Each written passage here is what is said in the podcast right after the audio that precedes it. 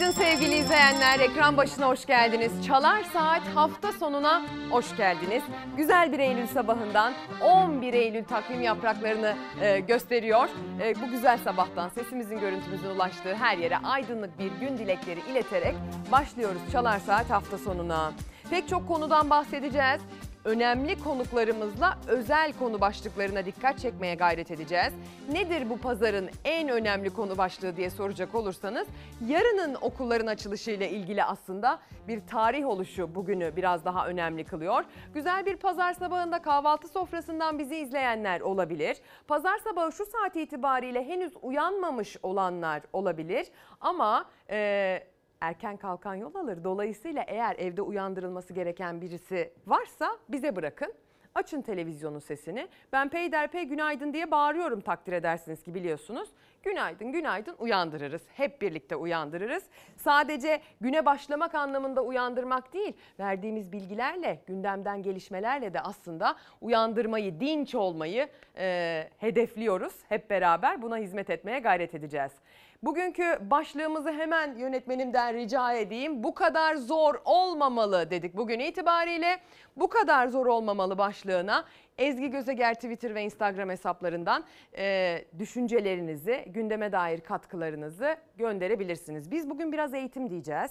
Öğretmeniyle, öğrencisiyle, konuyla ilgili kafa patlatanı çalışanıyla birlikte biz burada bugün e, eğitim meselesini enine boyuna tartışacağımız bir ortam yaratmaya gayret edeceğiz. Ama gecenin sıcak gelişmelerini de size aktararak başlamak istiyorum.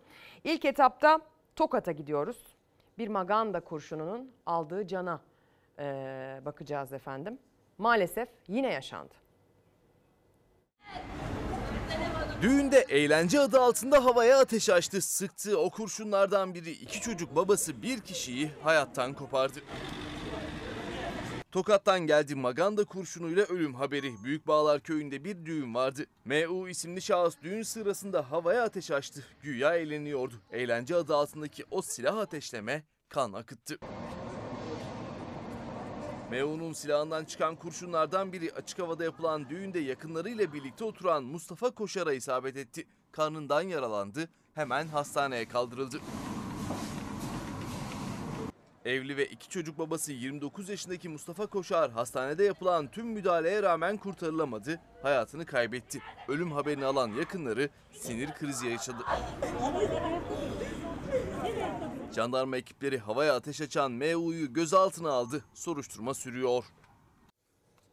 Maalesef bu havaya ateş açmaların aldığı canların haberlerini defalarca vermek zorunda kalıyoruz sevgili izleyenler. Hiç istediğimiz bir şey değil bunun haberini size aktarıyor olmak ama biliniz ki devam ediyor. Hani böyle bir sorunumuz yıllardır var ya hani bitmedi daha devam ediyor. Hadi gelin Sözcü gazetesinden başlayarak günün gazete manşetlerini de okumaya başlayalım. Sözcü gazetesi önümüzdeki kıştan bahsediyor ve bakın ne diyor. Bu kış karanlık ve soğuk geçecek. Bu yıl elektrik %210, doğalgaz %163, yakacak odun %139, kömürse %179 zamlandı. Kışlık kıyafet fiyatları da 2'ye 3'e katlandı. Yandık. AK Parti iktidarının Türkiye üzerinde denediği yeni ekonomi modeli yüzünden iğneden ipliğe her şeyin fiyatı neredeyse her gün artıyor. Elektrik ve doğalgaz faturaları zamlarla katlanıyor. Odun kömür fiyatları uçuyor. Bu gidişle vatandaş kışın ısınamayacak, karanlıkta oturacak. CHP'li vekil Abdurrahman Tutdere TÜİK'in ürün sepetinden yola çıkarak odun, kömür, tüp gaz ve kışlık kıyafetteki fiyat artışlarını hesapladı. Hazırladığı tablo daha kara kış gelmeden zamların nasıl bastırdığını açıkça gösteriyor. Fiyatlar vatandaşı titretiyor. Bakın erkek kabanı Eylül 2021'de 369 liraymış. Eylül 2022'de 1099 liraya çıkmış. Artış %198. Erkek montu 280 liradan 1000 liraya çıkmış. Erkek kazağı 90 liradan 366 liraya çıkmış. Bot 233'ten 1049'a çıkmış. Kadın e, pardisüsüyle devam ediyor kadın kısmı da. 306 liraymış 933 lira olmuş.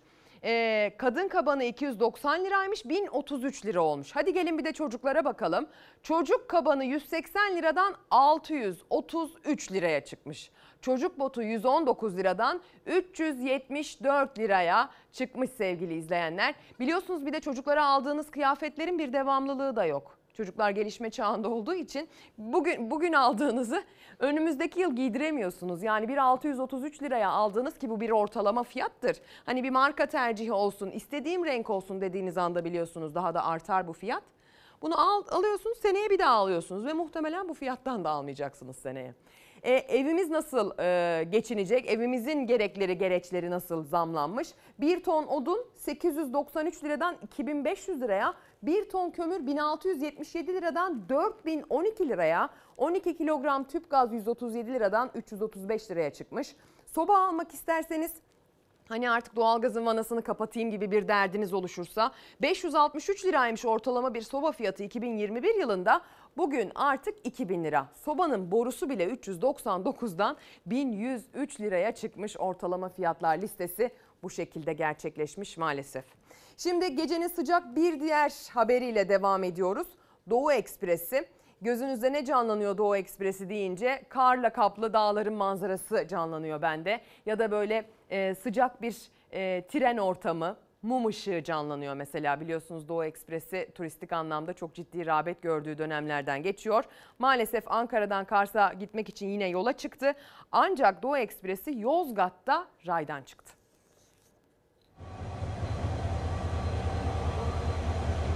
İkinci vagonun raydan çıkmasından dolayı bir kaza meydana geldi. Allah'a şükür herhangi bir, bir can kaybımız yok.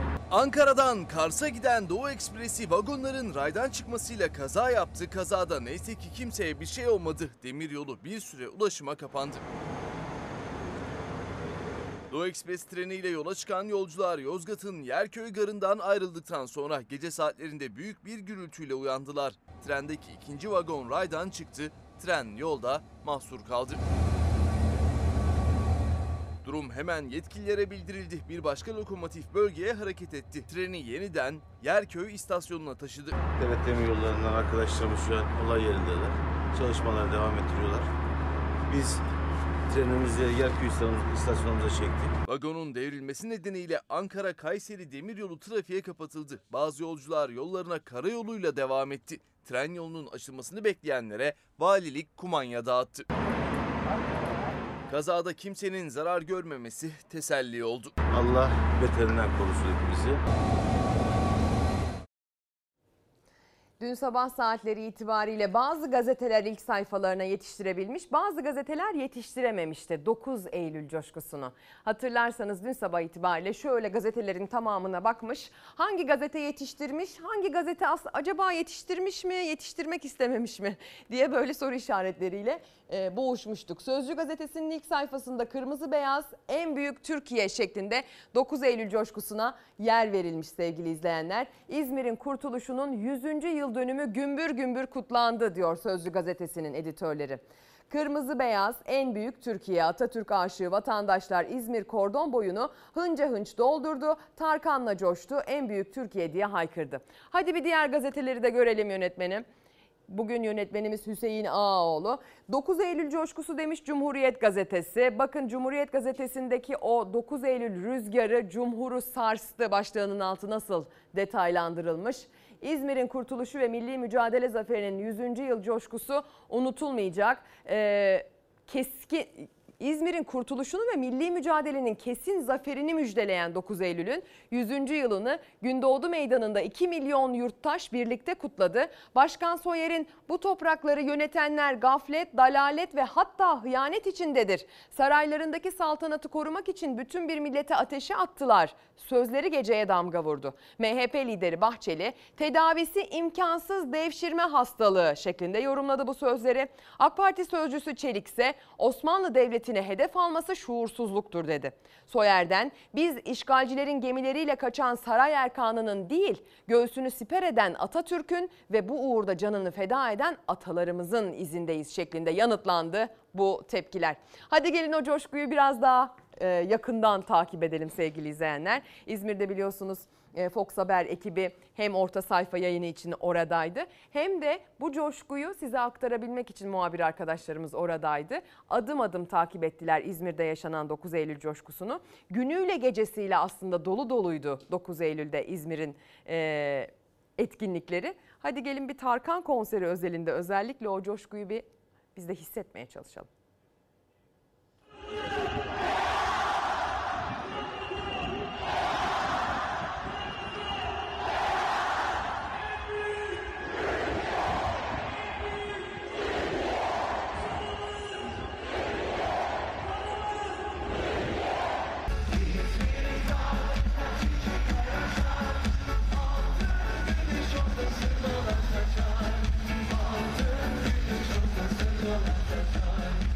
Ordular, ilk hedefiniz Akdeniz'dir, ileri emri yerine getirilmişti. Sen başla, bitiren bulunur sözü artık hayat bulmuştu.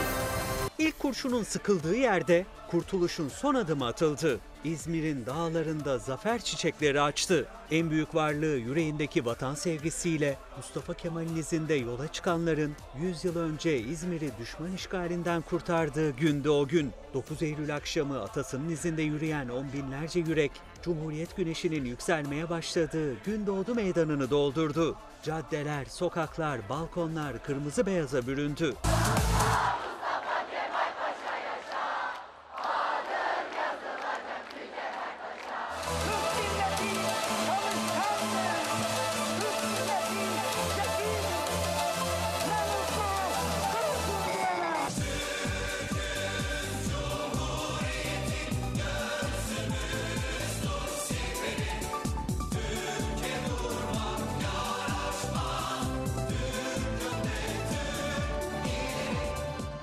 Sadece İzmir'in düşman işgalinden kurtuluşu değil, aynı zamanda Anadolu'nun kurtuluşu, Cumhuriyet kapısının aralandığı gündü 9 Eylül. 100. yılda vatanın dört bir yanından İzmir'e akın edilmesinin sebebi de buydu. Ucu bucağı yoktu kalabalığın.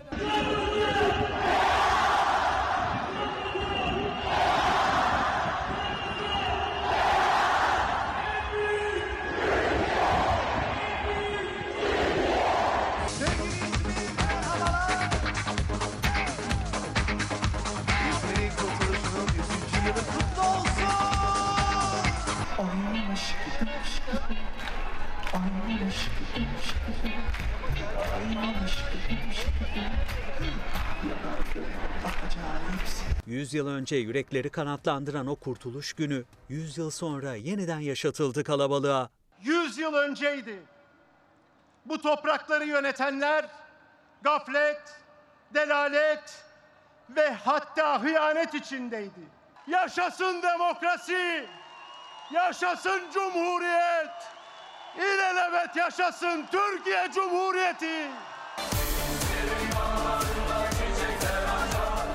Günler öncesinden İzmir'deki kutlamaya katılmak için hazırdı on binlerce kişi. Sabahın erken saatlerinde çıktıkları meydanda gece yarısına kadar aynı coşkuyla kutladılar kurtuluşu. CHP lideri Kemal Kılıçdaroğlu da eşi ve torunuyla beraber o kalabalığın arasındaydı.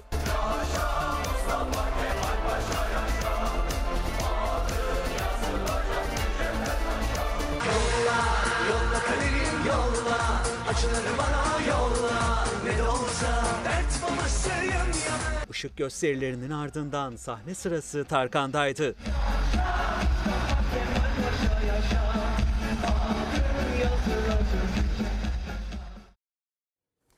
Sevgili izleyenler aktarmamız gereken sıcak bir haberse e, hemen aslında o bölgeden uzaklaşmadan Ege Denizi'nden. Ege Denizi'nde maalesef Yunanistan e, yine bir taciz hareketinde bulundu. Bakın Türkiye gazetesi de herhalde baskıya son anda yetiştirmiş. Yunan tuzağa çekiyor manşetiyle çıkmış bugün. Batı'nın şımarık çocuğu Yunanistan'ın tacizlerinin perde arkasında Türkiye'yi savaşla frenleme hedefi var şeklinde yorumlanarak aktarılmış bu yaşanan olay. Ankara krizi sağduyuyla aşmak istedikçe Atina geriyor. Tarihçi Yusuf Halaçoğlu Türkiye şayet Şam'la ilişkileri düzeltir. Buna Akdeniz'de münasır bölge anlaşması eklerse AB, İsrail ve Yunan Rum ittifakının bölgeye dönük bütün planları alt üst olur diyor. Profesör Doktor Aygun Attar Türkiye'nin yükselişi Ege üzerinden durdurulmak isteniyor dedi. Profesör Doktor Yalçın Sarıkaya, Irak ve Suriye'de aktif hale gelen ülkemizi Batı cephesine yığma endeksli bir taktik, taktik uygulanıyor. Bu çok açık bir tuzak ifadesini kullandı deniyor. Atina Ege'de savaş çıkarma peşinde denmiş. Bir taciz ateşi açıldı. Sahil güvenlik duruma müdahil oldu. Ee, sahil güvenlik yani güvenlik güçlerimiz duruma müdahil olduktan sonra taciz ateşinde bulunan Yunan tarafı kaçtı. Şu anda Yunan sahil güvenlik gemileri Anatolian gemisine saldırıyor. Ege'de uluslararası sularda seyir halinde olan ticari gemiye Yunan sahil güvenlik güçleri taciz ateşi açtı. O anlar mürettebatın kaydettiği görüntülere böyle yansıdı. Tansiyon yükseldi. Bölgeye Türk sahil güvenlik botları gitti. Yunanistan dün Ege'de bir kez daha gerilimi tırmandırdı. Bozcaada açıklarında seyreden Komoros bayraklı Anatolion adlı ticari gemiyi taciz etti. Yunan sahil güvenlik güçleri içinde 18 mürettebatın olduğu gemiye taciz ateşi açtı. Kurşunlardan biri mürettebatın olduğu odalardan birinin camına isabet aldı. Camdan giren kurşun bölmenin tavanına geldi. Ticari gemi durumu hemen Türk sahil güvenliğine bildirdi. İki sahil güvenlik botumuz hemen olay yerine gitti. Türk botlarının geldiğini gören Yunan sahil güvenlik güçleri hızla bölgeyi terk etti. Yunanistan sahil güvenliğinin hedefi olan ticari gemi Türk botlarının refakatiyle Çanakkale Boğazı'na geri döndü. Boğaz'da demirledi. Diplomatik kaynaklar gerginliğin ardından Ankara'nın devreye girdiğini, yaşanan olayın protesto edildiğini ve Yunanistan tarafından izahat istendiğini açıkladı.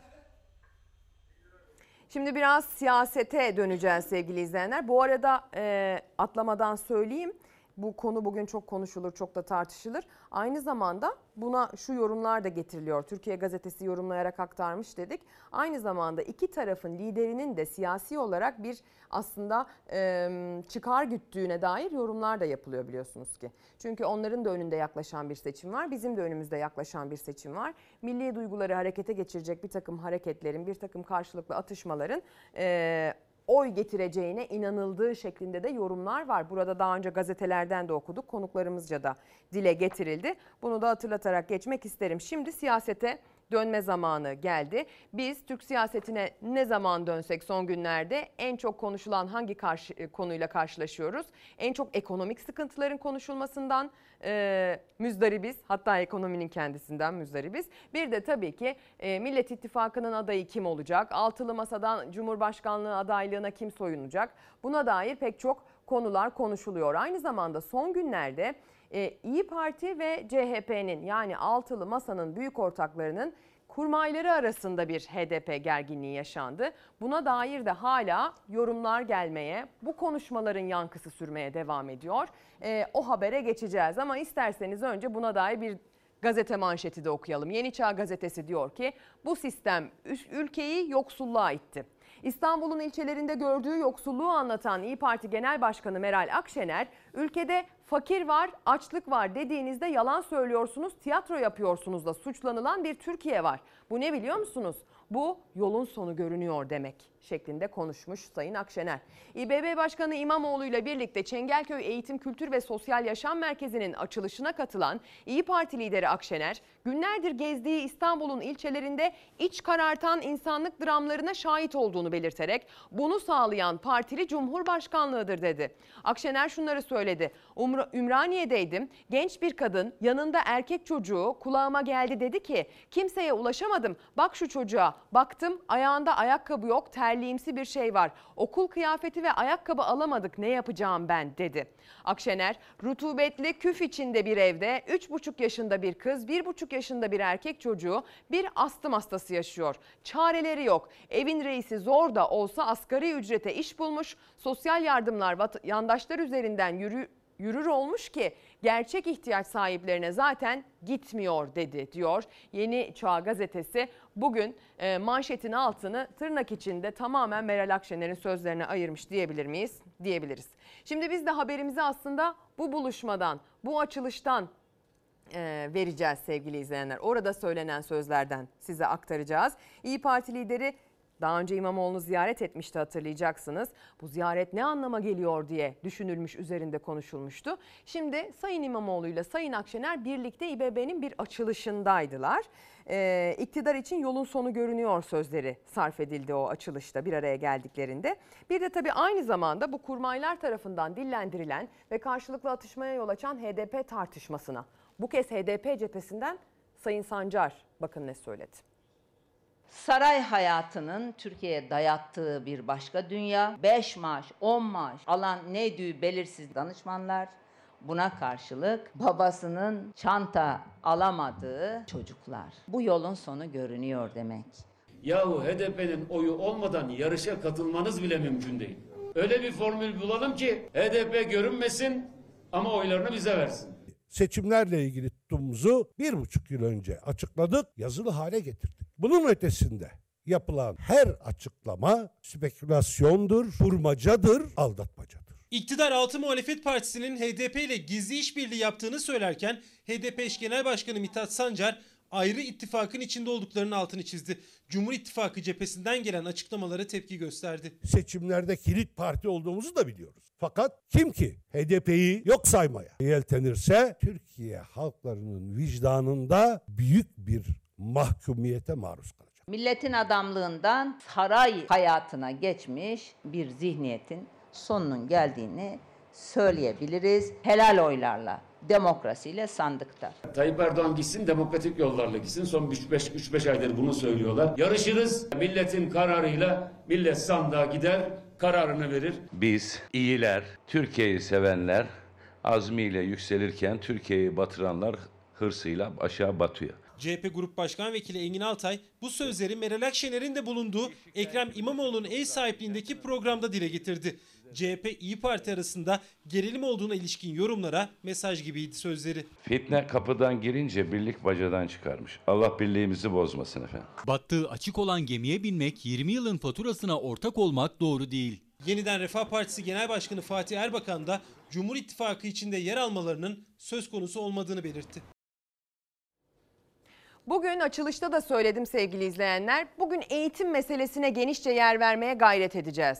Önce Fox Haber'in siyaset ve ekonomi yorumcusu Ozan Gündoğdu ile birlikte bu işin memur cephesini, bu işin öğretmen cephesini masaya yatırmaya gayret edeceğiz. Anlamaya çalışacağız. Hep birlikte lütfen katkılarınızı eksik etmeyin.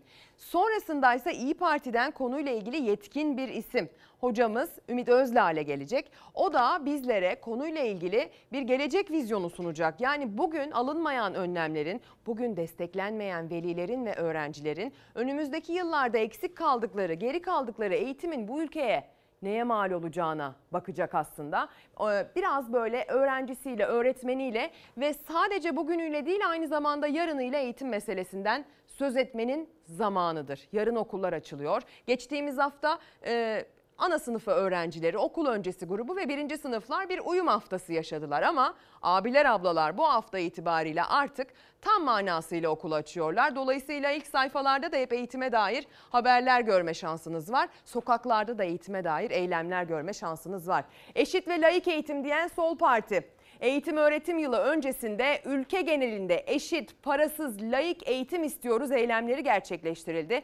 Yapılan eylemlerde ve açıklamalarda eğitimin parasız olması, ailelere eğitim masrafları için destek verilmesi, tarikat ve cemaat yapılarının eğitim alanından dışarı çıkarılması, tüm öğrencilere ücretsiz ulaşım hakkı ve köy okullarının acilen tekrar açılması gibi birçok talep dile getirildi. Hadi gelin o taleplere kulak verelim.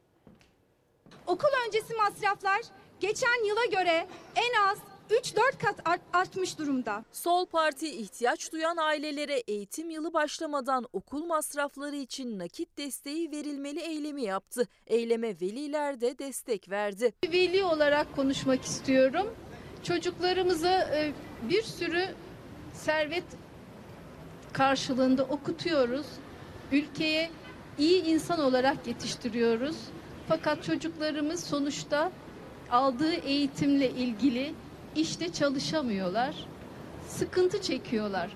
Sol Parti Ankara Ulus'ta pazartesi günü başlayacak yeni eğitim öğretim yılı öncesi basın açıklaması yaptı. Eğitim her düzeyde ücretsiz olmalıdır. Tüm öğrencilere okula toplu taşımayla ücretsiz ulaşım hakkı tanınmalıdır. En temel eğitim masraflarını bile karşılamakta zorlanıyor veliler. Okul öncesinden üniversiteye kadar masraflar geçen yılın kat kat fazlası. Veliler Sol Parti'nin okul masrafları için nakit desteği verilmeli eyleminden ses yükseltti. Tüm öğrencilere eşit ve ücretsiz eğitim hakkı talep ettiler ve güçlükle okuttukları çocuklarının okul bitince iş bulma umutlarını yitirdiklerini anlattılar.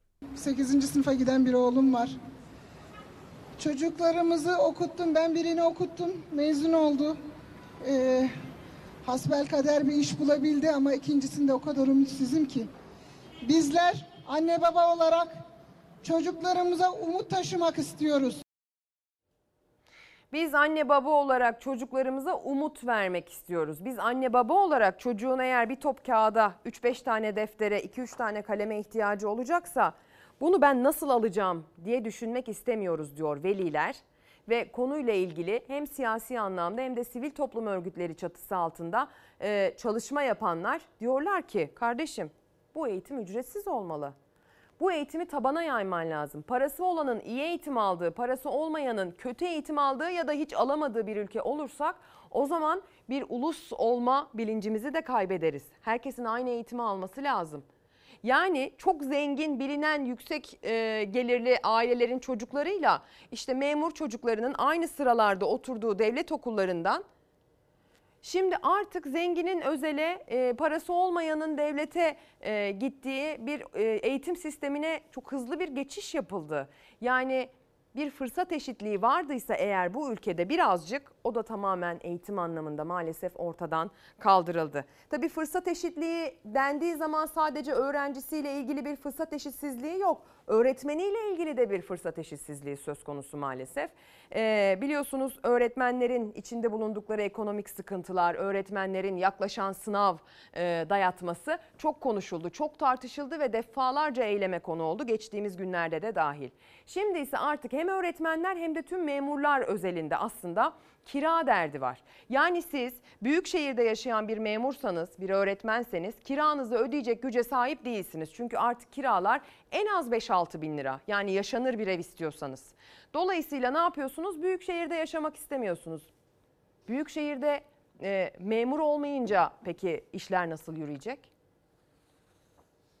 Ortalama devlet memuru maaşının da 10.000 TL e, olduğunu e, değerlendirirsek memurlarımız maaşının %50'sinden fazlasını kiraya vermek durumunda. Bu tabii büyük şehirlerde e, çalışan memur arkadaşlarımızın diğer illere doğru bir e, tayin isteme e, sürecini hızlandırdı. Ankara'da ev arıyorum Ankara'ya taşınmak e, için. Kiralar çok yüksek. Konya'dan geleceğim. Aynı standartlarda bir ev kiralasam belki burada 8-10 bin lira falan olacak yani. Biraz daha kriterleri düşürelim. Düşürsek bile e, normal oturulacak bir ev 5-6-7 bin liranın altında değil. Büyük şehirlerde yaşamanın zorluğu artan kiralarla katlandı. Özellikle de İstanbul, Ankara ve İzmir'de. Büro Memur Sen Başkanı yüksek kiralar nedeniyle 3 büyük ilde görev yapacak memur kalmayacak dedi. Kamu görevlisi bulmak zorlaşacak. Ankara'da 5250 lira, İzmir'de 6300, İstanbul'da da 7700 civarında e, konut kiraları. Bunun elektriği, suyu, doğalgazı, diğer giderleri, okul masrafları bunları üst üste koyduğumuzda geçilmesi mümkün gözükmüyor. Özellikle İstanbul'a ve Ankara'ya, büyük şehirlere atanan öğretmenlerimiz atamalarını iptal etmek istiyorlar. Ve çığlıkları aynen şu şekilde. Maaşımla ev kiramı ödeyemiyorum. Valla yeni taşındım Ankara'ya. Öğretmen maaşıyla geçinmek biraz zor tabii ki. Kira, kiralara ne demeli? 6 bine.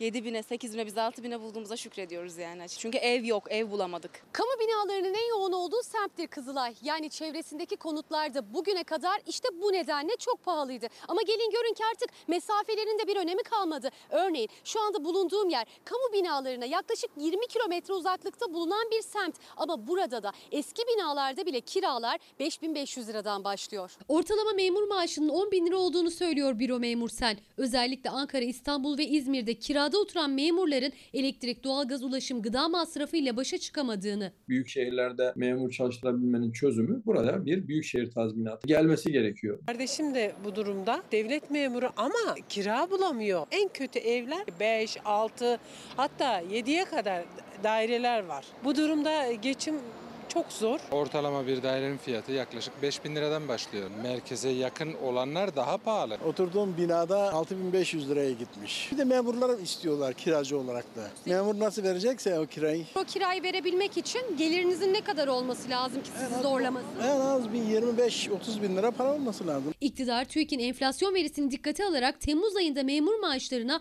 enflasyon farkı yansıttı. En düşük memur maaşı 9100 liraya çıktı ama alım gücü artmadı, daha da azaldı. Maaşlar mı düşük, kiralar mı yüksek derseniz maaşların düşük olduğu daha kesin. Maaşlar da düşük, kiralar maaşlar da yüksek, kiralar da düşük bana kalırsa. Şimdi e, hem öğretmenler hem de aslında memuriyet çatısı altında çalışan tüm bu ülkenin fertleri içinde bulundukları e, ekonomik zorluklarda bu dönemde özellikle en çok kiralardan şikayet ediyorlar. Kira Hele için- ki bir atama falan söz konusuysa Oo, yer fena. değiştirmek, taşınmak. Hani mesela küçük bir ilçeden yine küçük bir ilçeye geçiyor da olabilirsiniz. Bu da aslında ver- vereceğiniz kiranın artması demek ve müthiş bir taşınma masrafınızın olması Korkunç. demek. Bir de büyük şehire tayininiz çıktıysa yandı gülüm keten elvan. Büyük şehrin dışında ben bir de ek yapayım tatil yerleri. Bodrum'da Tabii, öğretmenlik doğru. yaptığını düşünsene. Ant- ama. Antalya'da öğretmenlik yapıyorsun tatil yerinde. Şimdi orada da çocuklar var. Bodrum'da öğretmenlik yapan insanlarla konuştum. Sadece öğretmenlik değil genel olarak devlet memurluğu. Şunu yapmışlar artık. Bir köye yerleşmişler. Neredeyse tümüyle devlet memuru olan bir köy var ve mobiletle 20 kilometre 25 kilometre mobiletle gidip geliyorlar. Kiradan kurtulduk da bu sefer de mazot masrafına paramız yetmiyor diyorlar. Yani söz konusu o kira şoku çok ciddi bir problem yarattı. Özellikle zorunlu gideri olan işte bu şekilde zorunlu hizmeti tabi insanlar için. Bir de mevsimlik işçiler var. Turizm bölgelerine gelenler. Onların da çilesi apayrı, kira çilesi. Beklenen şudur. Yani onu söylemek lazım belki. Aile bütçesi içinde kiranın payının %20 olması arzu edilir. Deminki beyefendi, aslında söyledi. aslında haklı bir hesap yapıyor. Yani bu, bu kira düzeyinde benim maaşım ne olmalı? En az 25-30 bin olmalı. E çünkü 6 bin lira kira veriyorsan sen 5'te birini ben kiraya yatırsam 30 bin lira para kazanmam lazım. Şimdi kimisine çok uçuk gelebilir burada dediğim rakam ama hakkı budur bu işin. Minimum budur yani. Evet kesinlikle katılıyorum. Bizim zamanımızda böyle değildi ki bizim zamanımızda derken biz de öyle çok yaşlı değiliz yani. Ee, şimdi sen mesela nerede okudun? Devlet okulu İzmir'de okudum. Umarım sorması, Yo, yo, sormamda bir sakınca Yo, yoktur. buyur, tabii, tabii. Anne baban ne iş yapıyordu? Öğretmen. Öğretmen. İzmir'de okudun. Evet. Devlet okulunda Evet. okudun. E, nasıldı mesela sınıfınızın durumu, öğretmeninizin durumu? Yani Genel farklılık şu zamanla kıyaslasam genel farklılık bence katılırsın Ezgi. Her gelir grubundan insanla beraber okuduk. Her gelir grubundan. Yani öğrenci e, kimsesizler yurdundan gelen çocuklar da vardı bizim sınıfımızda. Gerçekten İzmir eşrafından insanlar da vardı. Bakın bu ikisini bir araya getirmek zaten bana kalırsa eğitim sisteminin önemli başarılarından bir tanesi. Mustafa Koç, Koç Holding'in yönetim kurulu başkanı öldükten sonra hep örnektir bu da değil mi? Kadri Gürsel çok güzel bir yazı yazmıştı. Maçka İlkokulu'nda okuyor. Bu şey değil, Vehbi Koç'un veya Rahmi Koç'un babası, dedesi onların isteği değil. Zaten zenginler de Öyle. devlet okulunda okurlardı. Eskiden en yakın okula giderdik. Aynen öyle evet. Şimdi şimdi tuhaf bir durum var. Bir kamu eğitiminden, kamusal eğitiminden tatmin olmayan orta sınıflar mümkün olduğunca özele doğru kaymaya başladılar. E, Eğitimin niteliksizleşmesi, kamudaki eğitimin niteliksizleşmesi özel sektörü büyütüyor. Fakat özel sektörde de hakkıyla bir e, kamusal eğitim veriliyor mu emin değilim. Çünkü öğretmenlerin durumu belli. Öte yandan orada artık eğitim bir e, sektör haline geliyor. Hizmet olmaktan çıkıyor, sektör haline geliyor. Öğrenciler de öğrenci olmaktan çıkıyor, müşteri haline geliyor. E bu şartlarda öğretmenlik de bir meslek sahipliği değil, bir hizmet sektörü işçiliğine dönüşüyor. Evet. Peki senin anne baba öğretmendi. Şimdi sen kendi cephenden bir öğrenci cephesinden baktın söyledin ve bugünle kıyasladın aslında eğitimin geldiği yeri. Anne babanın mesela birer öğretmen maaşıyla e, eve ne getiriyorlardı ya da ne getiremiyorlardı senin çocukluğunda? Bugünle karşılaştırsak ciddi bir yokluk bugün var. Bir kere e, şöyle bir avantajı var. Geçmişte çalışıp emekli olanların emekli ikramiyesiyle ev alabiliyorlardı. Bence en Evet. önemli farklardan bir tanesi bu. Beni tedirgin eden bir şey var. Bugün çalışanlar yarın emekli olduktan sonra hayatları boyunca ev sahibi olmayacaklar ve bu emekli maaşlarıyla bir de kira ödemeye kalkacaklar. Bu emekli maaşıyla kira ödemeye kalkmak demek ya tablo çok açık. Biz sokakta yaşayan emekliler göreceğiz bundan 15-20 sene sonra. Eğer ki bu emeklilik sisteminde, EYT'de vesairede buna benzer düzenlemeler yapılmazsa sokakta yaşayan olabilir ya da şöyle mesela zincir burger işletmelerinde 70-75 yaşında çalışanlar göreceğiz. Çalışırken ölen çok fazla insan göreceğiz. Bakın görmeye başladık yavaş yavaş. Kalp Bugün krizi Evrensel geçirecek. Gazetesi'nde detay olarak ayrıca ayırmadık ama 65 yaşındaki işçi iş cinayetinde öldü diye bir başlık var. Fabrika inşaatında Evet, çalışıyor bakın. 65 yaşında niye inşaatta bu kadar ağır bir işte çalışmak zorunda olsun? Ben de mesela öğretmen çocuğuyum. Hmm. Ben de İzmir'in ilçesinde büyüdüm. özel okul, devlet okulu açısından bakarsan bizim ilçede özel okul yoktu benim zamanımda. İhtiyaç Şimdi değildi. nasıl? Şimdi var. Bir sürü var hem de. Kimisi apartman dairesi, kimisi eski bir okul binası falan. İki sonuç çıkar. Ya çok zenginleştik artık özel okula gönderiyoruz çocuklarımızı ya da kamusal eğitimden tatmin olmamaya başladık. Kursağımızdan kısıp çocuğu özel okula gönderiyoruz. Bence ikincisi biraz daha baskın. Yani ciddi bir zenginleşmenin şeyi değil, göstergesi değil bu.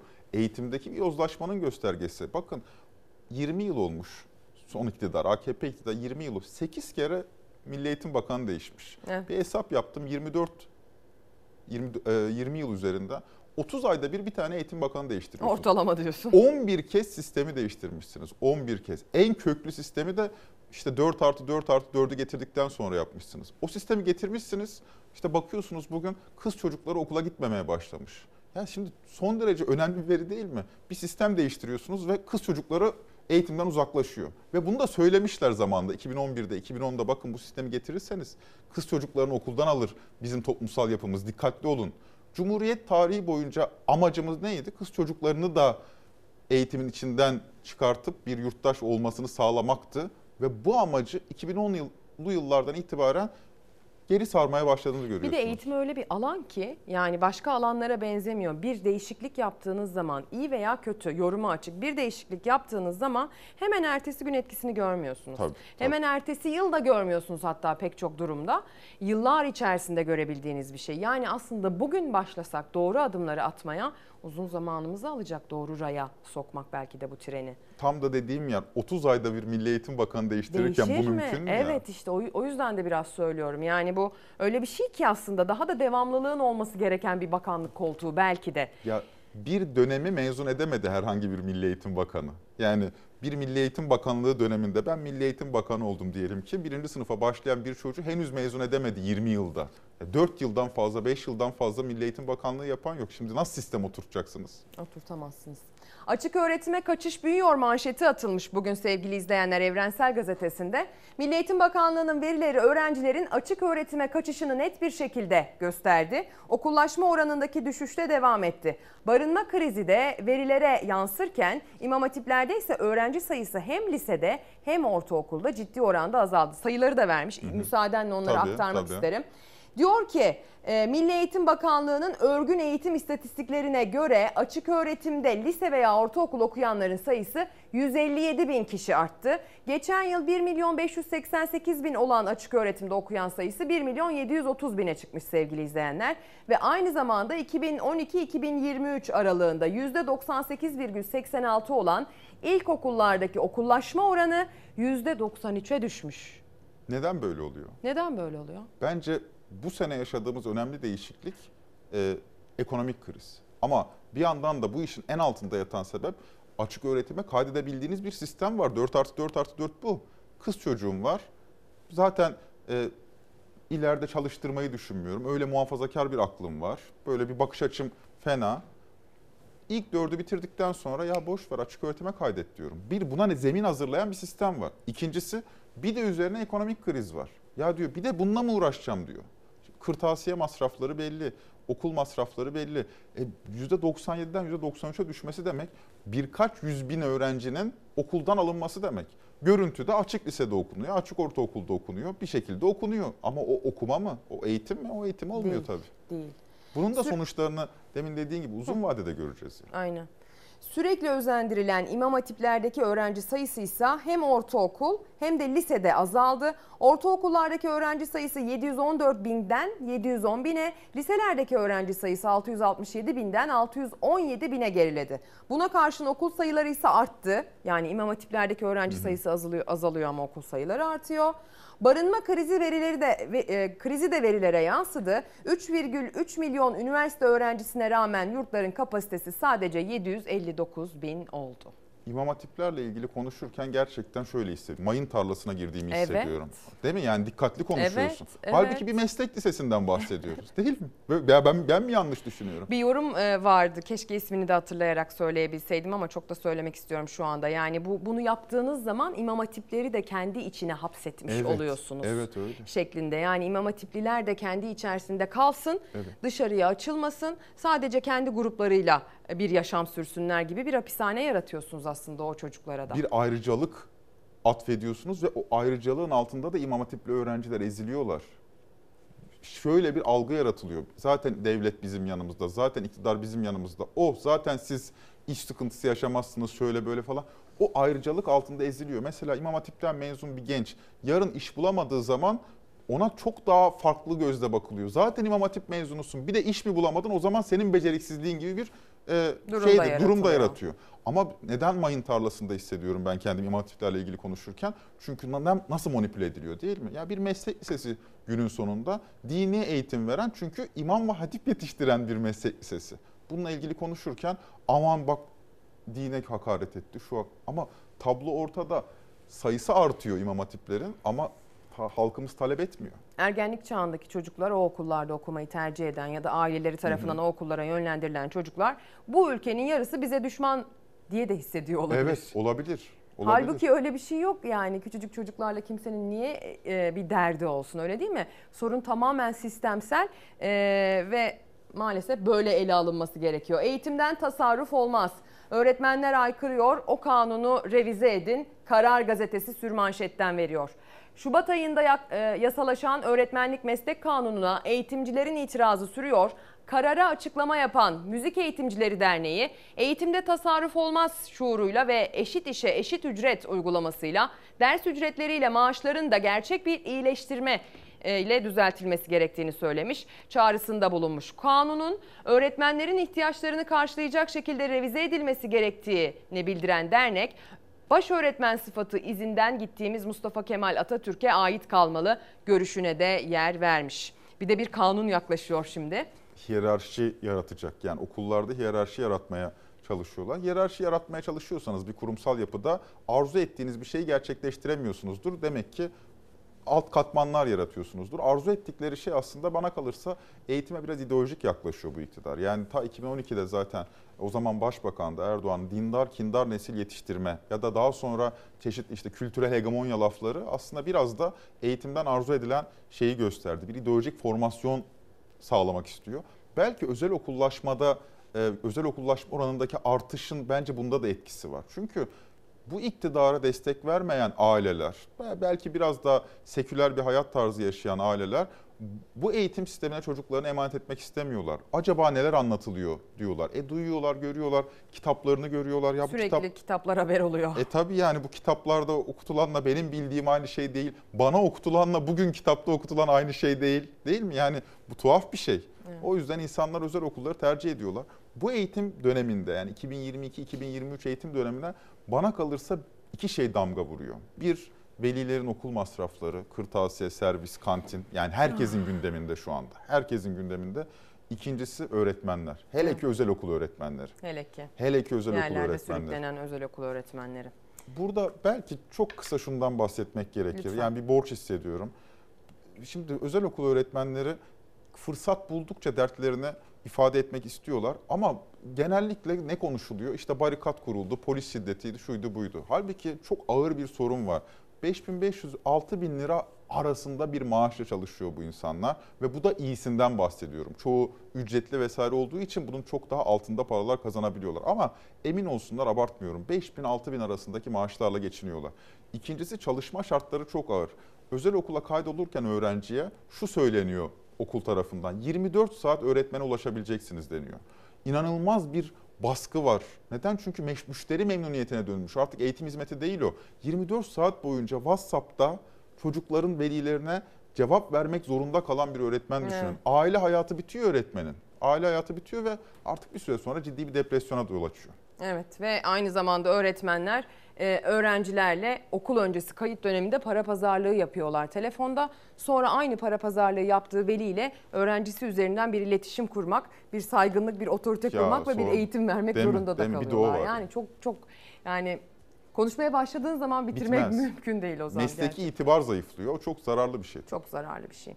O yüzden biz öğretmenlerin itibarına yönelik vurguyu burada tekrar tekrar yapmaya gayret ediyoruz sevgili izleyenler. Çünkü bu sadece öğretmenlerle ilgili bir şey değil. Bu bizim öğrencilerimiz, evlatlarımızla da ilgili bir şey.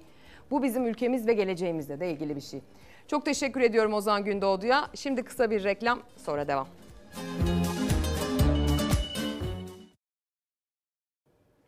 Günaydın sevgili izleyenler. Bir kez daha hoş geldiniz. Fox ekranlarına Çalar Saat hafta sonu kaldığı yerden devam ediyor.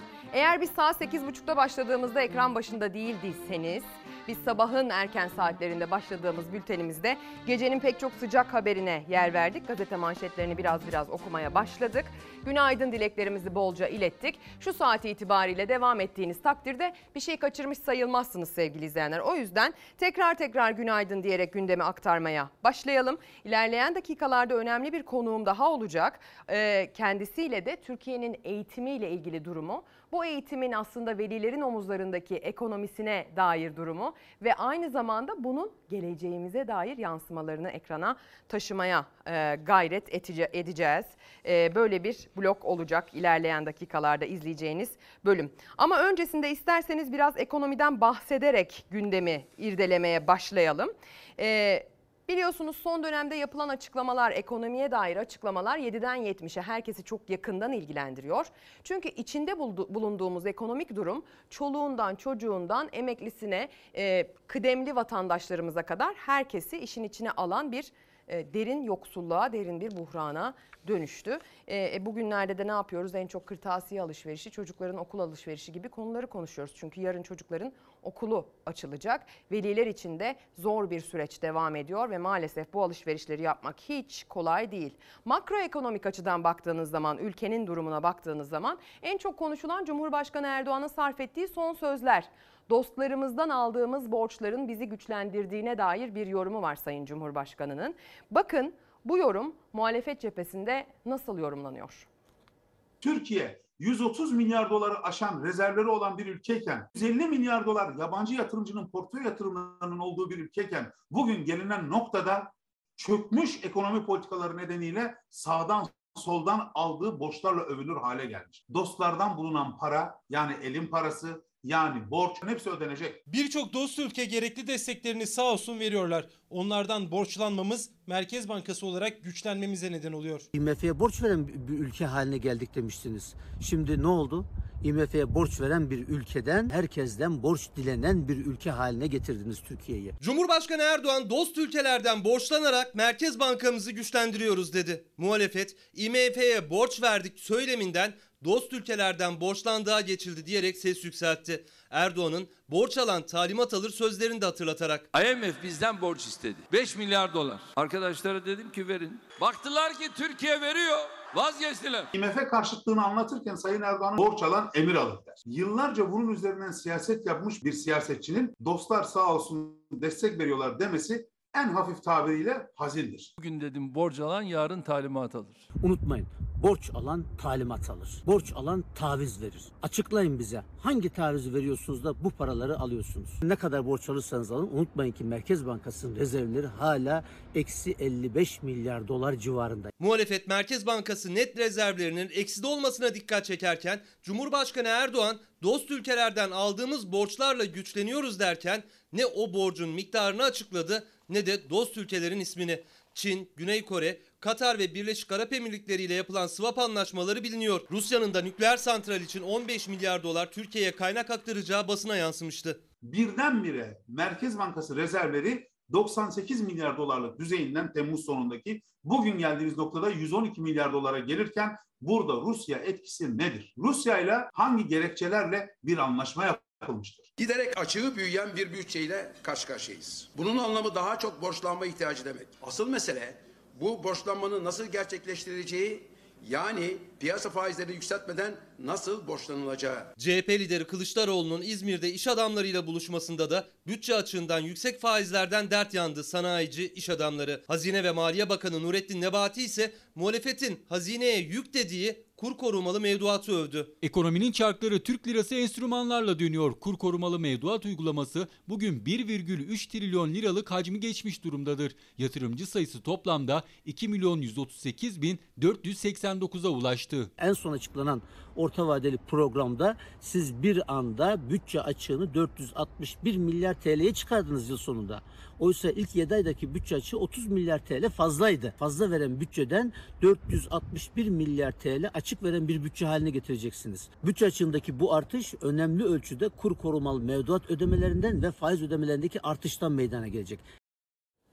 Mesajlarınız da geliyor sevgili izleyenler. Bu kadar zor olmamalı başlığı altına gönderdiğiniz mesajlar. Çocuk okutmak bu kadar zor olmamalı diyen velilerin mesajları çoğunlukta. Ayşegül Unat diyor ki Bolu'da birçok okul ikili eğitime geçti. İki yıldır güçlendirme yapılmayan binalar var. İlkokul çocukları ile ortaokul çocukları aynı binada ders görecekler. Bazı okullar kendi binalarından ayrılıp başka okullara bile gönderildi. Güçlendirme yapılıyorsa bunun planlanması bu kadar zor olmamalı diyor. Eğitime dair gelen mesajlarda esnafın durumuna da bakın diyenler var. Kırtasiye esnafı da biliyorsunuz çokça sıkıntılı. Sadece bu dönemde biz kazanabiliyoruz. Bu dönemde bari e, zincir marketler bizim ürünlerimizi satmasınlar diyorlar. Yerli ürünlere yönlendiriyorlar. E, kantinlerle ilgili biliyorsunuz dün esnaf esnafların esnafların birliğinin başkanı Bendevi Palandöken bir açıklama yaptı. Kira krizini e, bunlar da yaşıyor. Yani kantinciler de yaşıyor. Ekonomik krizi onlar da yaşıyorlar. Eğer kantincilerin omuzlarındaki yükü almazsanız ekonomik olarak bu öğrencinin beslenmesine, öğrencinin okulda yediğine içtiğine de yansıyacaktır şeklinde yorumlanıyor. Üniversite öğrencilerinin anne babalarından mesaj var. Songül Yaren Gökdeniz bir özel okulu kazanmış. Başarılı da bir özel okul. Oğlum nokta nokta üniversitesini kazandı. Sayısalda ilk 300'e girdi. Yurt bursu çıkmadı. Sadece yurt 5700 lira. Öğretmen maaşıyla çocuğunu okutmak bu kadar zor olmamalı diyor. Yani okul öncesinden başlayın üniversite eğitimine kadar e, çocuk okutmak bu kadar zor olmamalı. Şimdi ise biraz hukuktan bahsedeceğiz. Geçtiğimiz hafta yanlış hatırlamıyorsam ayın 8'i 9'unda bir açıklama yaptı avukatlar. Dedi ki biz devletin görevlendirdiği müdafiler olarak bazı görevlere atanıyoruz ve herkesin aslında hukuki olarak savunulma hakkına hizmet eden bir meslek grubuyuz. Hukuki olarak herkesin bu hakka sahip olmasını temin eden kişileriz. Ama gelin görün ki bize o kadar az ücret veriliyor ki bu konuda biz vatandaşın bu ihtiyacını karşılayamaz noktaya geldik diyorlar ve iş yavaşlatma noktasında bir eylem hazırlığında olduklarını açıkladılar. Biz de e, Türkiye Barolar Birliği Başkanı Erinç Sakan'a sorduk. Bu eylem nedir, nedendir ve e, nasıl ilerleyecektir, ne istiyorsunuz, amacı nedir diye bize açıklamasını istedik. Sağ olsun Çalar Saat hafta sonuna özel bir açıklama yaptı konuyla ilgili. Bakın avukatlar ne diyor? Bugün CMK kapsamında konuşulan zorunlu müdafilik ücreti aslında yurttaşın savunma hakkının etkin kullanılıp kullanılmadığıyla ilgili bir e, sorundur. Konuyu tek başına bir avukat sorunu olarak değil, konuyu aslında yurttaşların yaşadıkları bir hukuki sorunda gerçekten ve etkin anlamda savunma hakkının kullanılıp kullanılmadığı noktasında değerlendirmek gerekmektedir. Ve bir avukata ödenen ücretin de soruşturma veya kovuşturma makamında verdiği emeğin karşılığı olup olmadığı noktasındaki değerlendirmenin de yürüttüğü işin niteliğiyle ve avukatlık mesleğinin onuruyla ilgili olup olmadığı bakımından değerlendirmek gerekiyor. Bu kapsamda baroların ve avukatların talebi sadece kendi ücretleri bakımından değil, aslında ülkemizde yaşayan yurttaşlarımızın savunma hakkının etkin şekilde kullanılması bakımından da zorunlu olduğunu ifade ederek başlamak istiyorum. 170 bin avukatın büyük bir bölümünü 0-5 yaş meslek grubu olarak adlandırdığımız genç meslektaşlarımız oluşturuyor. Ve genç meslektaşlarımızın da en önemli geçim kaynağı maalesef ki geldiğimiz süreçte CMK zorunlu müdafilik ücreti olarak adlandırdığımız mesleğimizin kamu hizmeti boyutunu da yansıtan CMK hizmetlerinden alınan ücretlerdir. Maalesef ki 2013 yılından bugüne kadar yürütülen politikalar CMK hizmetinden alınan ücreti gerek işçi asgari ücret tarifesinden gerekse avukatlık asgari ücret tarifesinden son derece uzaklaştırmıştır.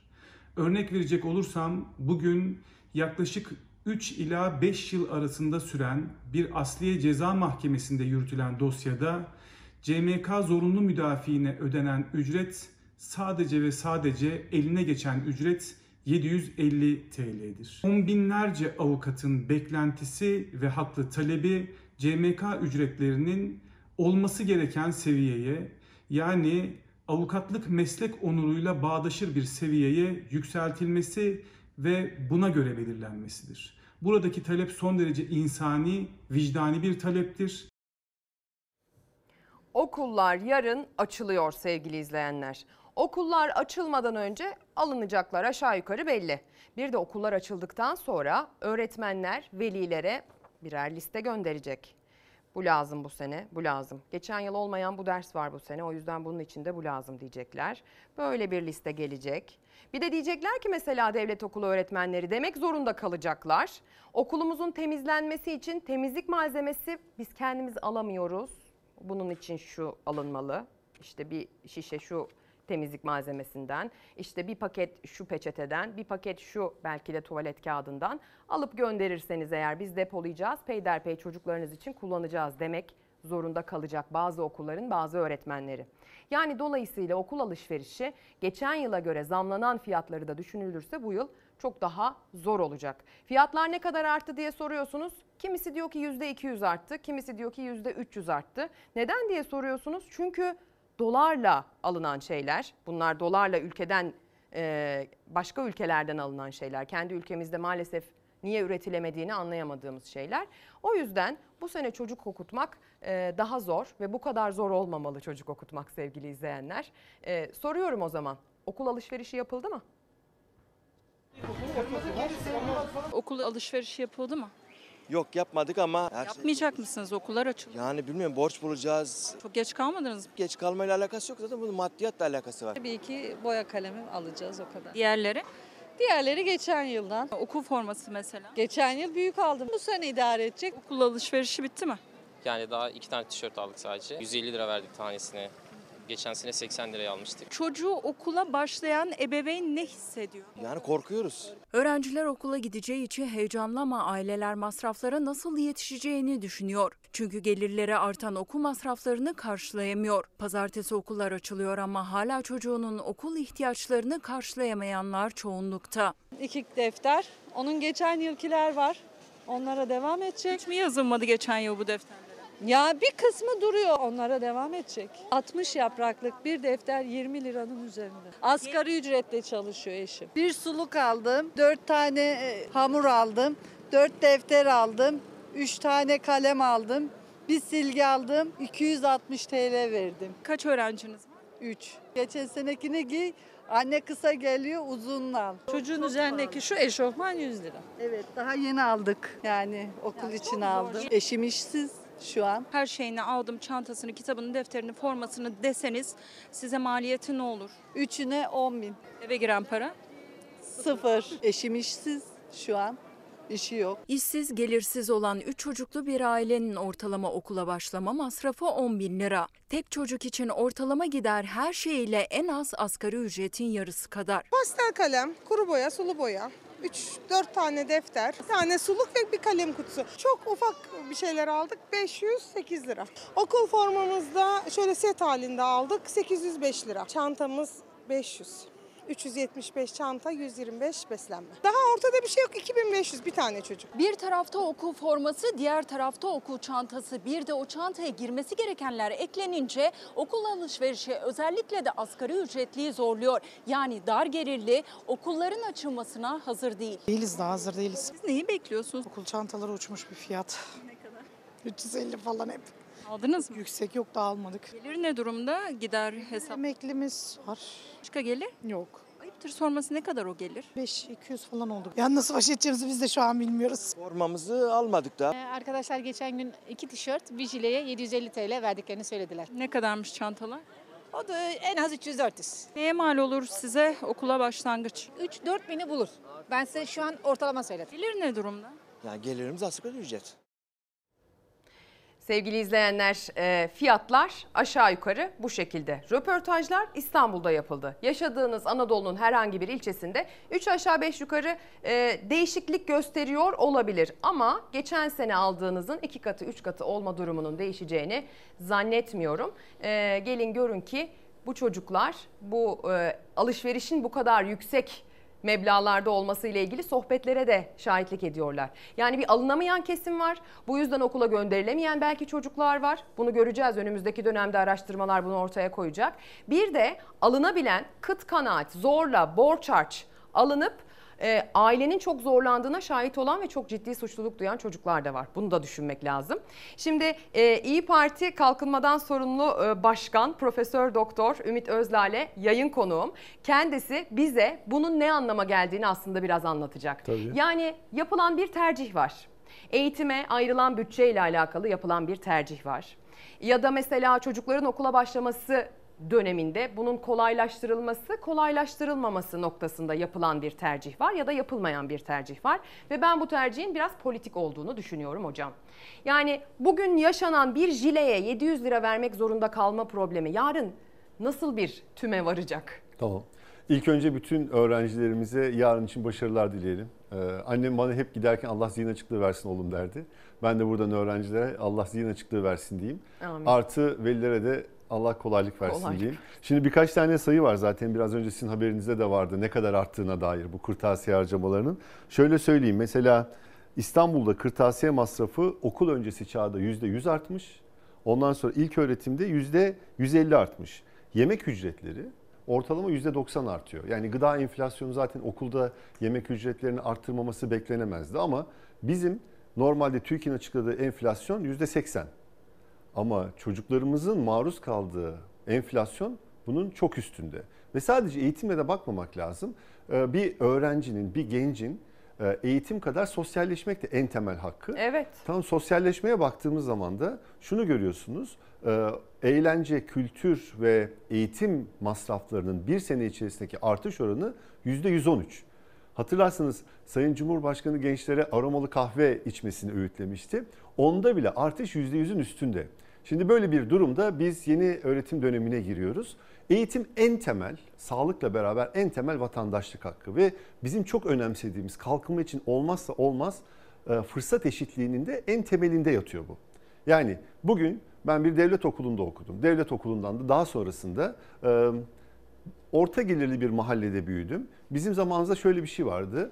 E, sizin zamanınızda da emi- eminim öyle bir şey vardır. En iyi okul en yakın okuldur. Evet. En yakın mahalle okuluna gittim. Oradan da işte Bornova Anadolu Lisesi, İzmir Fen Lisesi, ODTÜ'yü kazandım. Daha sonrasında akademik kariyer yaptım. Beni bu devlet Sonra okulu- Boston College. Sonra Boston College. Bilmeyenlere. yazın Harvard Üniversitesi'nde kalkınma ekonomisi dersi verdim. Neden bunu anlattım? Çünkü kalkınma ekonomisinde en az 2-3 haftayı biz eğitime harcardık. Neden? Çünkü kalkınmanın en temelinde eğitim ve sağlık politikasının düzgün işleyişi vardır. İşte bu yüzden de mesela biz eğitime çok önem verirdik. Eğitim politikasının nasıl düzenlenmesi gerektiği. Dünya tarihinde başarılı olmuş hangi ülkeye bakarsanız bakın onun tam ortasında eğitimi başarmış olduğunu görürsünüz. Ya bu birinci sanayi devriminde İngiltere'de de böyledir. Ee, 1970'lerde Asya kaplanlarında da böyledir. Eğitimi başardıktan sonra sürdürülebilir bir büyüme ve kalkınmayı sağlarsınız. Bir de eğitim öyle bir şey ki hocam yanlış söylüyorsam lütfen düzeltin. Bugün ektiğiniz tohum hemen yarın filizlenmiyor. Evet. Yani bugün attığınız bir adım bir iyileştirme, bir sistem değişikliği belki de şimdi artık adından çok korkuyoruz bir takım sistem değişikliği e, spekülasyonları duymaya başladığımızda çok değişti çünkü ama ya uzun vadede sonuç veren bir şey. Bunu hesaba katarak adım Evet bugün lazım. sizin eğitim politikasında uygulayacağınız bir değişikliğin etkisini siz dediğiniz gibi 5-10 sene sonra görürsünüz. Peki ne yapmalısınız? Hemen yarın o adımları atmalısınız ki 5-10 sene sonra e, bu eğitimde bir fırsat eşitliği sağlayıp onun büyümeye, toplumsal huzura etkisini görebilirsiniz. Bakın bir şey söyleyeyim size. Hep OECD diye bir şey duyuyoruz değil mi? OECD ülkeleri, OECD ülkeleri. Bu iktisadi kalkınma ve işbirliği örgütü. Dünyada gelişmiş ülkelerle, gelişmekte olan Türkiye gibi gelişmekte olan ülkelerin bir kısmının bağlı olduğu bir örgüt. Önemli bir örgüt. Şimdi size bir e, istatistik söyleyeyim ve Türkiye'nin eğitime önemini şöyle anlatalım. OECD ülkelerinde yani içinde Amerika Birleşik Devletleri gibi, Almanya gibi ülkelerin olduğu yerde bir ailenin çocuğunun eğitimine katkısı yüzde dokuz. Yani çocuğa 100 lira harcanmışsa bu aile bunun sadece yüzde dokuzunu harcıyor. 9 lirasını harcıyor. Türkiye'de bu yüzde yirmi. Bakın Türkiye gelişmekte olan ve kişi başı milli gelir açısından OECD ortalamasının çok altında olan bir ülke.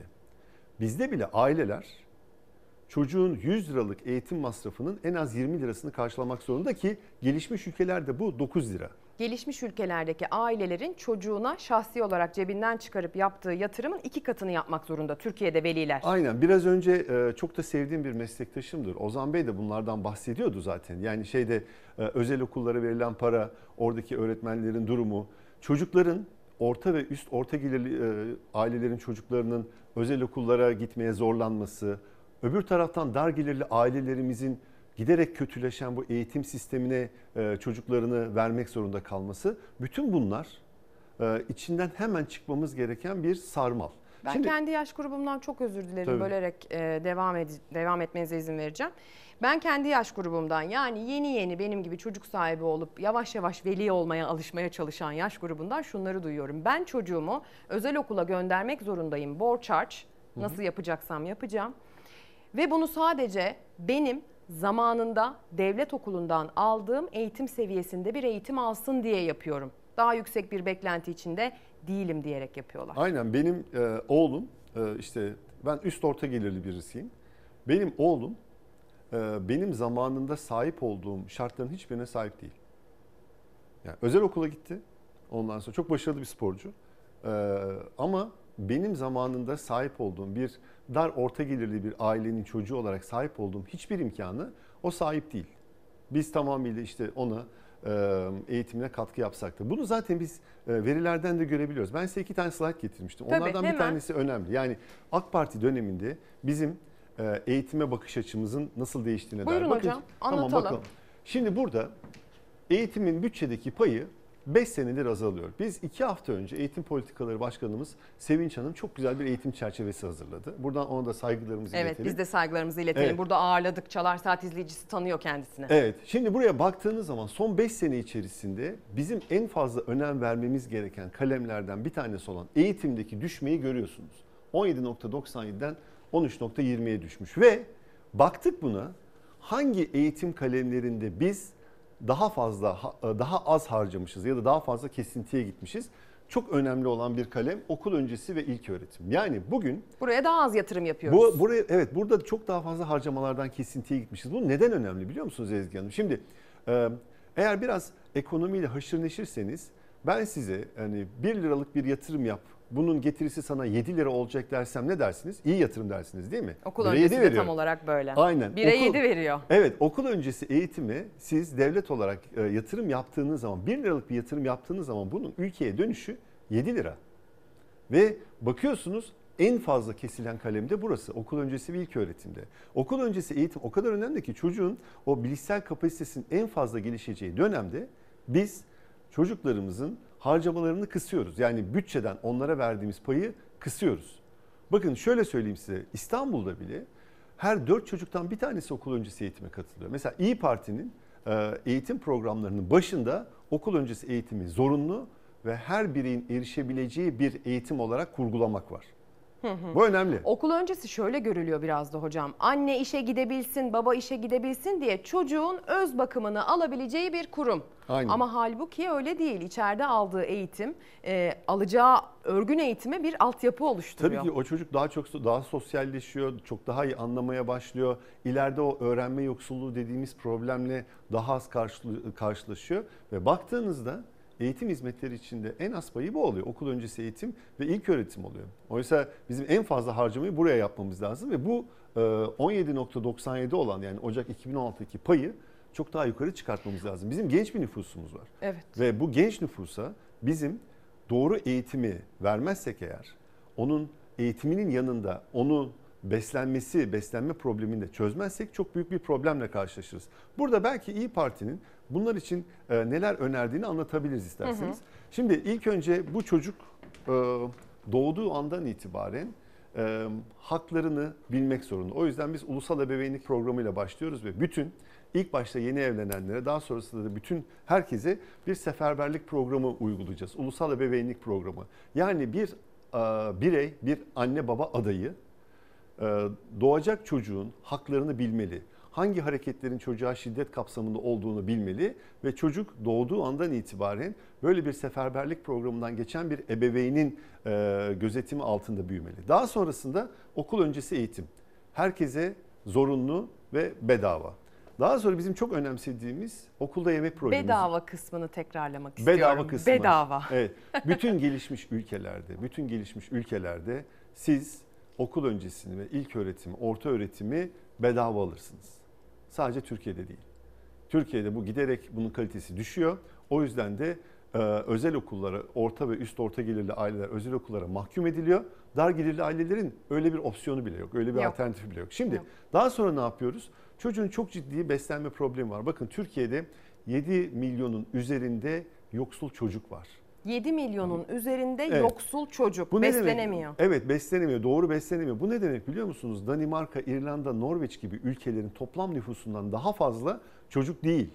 Yoksul çocuk var. Hocam e, bir de beslenemiyor'un da aslında birazcık altını e, doldurmak lazım. Çünkü beslenemiyor dendiği zaman hem bazen bizi yöneten bazı siyasi isimler ya da belki ekran başındaki bazı izleyicilerimiz böyle açlıktan sersefil sürünüyor anlamına geldiğini düşünüyor. Ama yeterli ve Çocuğun dengeli karnının- beslenemiyor. Çocuğun, Türkiye gibi bir ülke sadece çocuğunun karnının doymasıyla mı yetinecek? Bununla mı mutlu olacak? Hayır değil. O yüzden bu çocukların doğru beslenmesi lazım. Çünkü doğru beslendiği zaman daha iyi bir eğitim oluyor.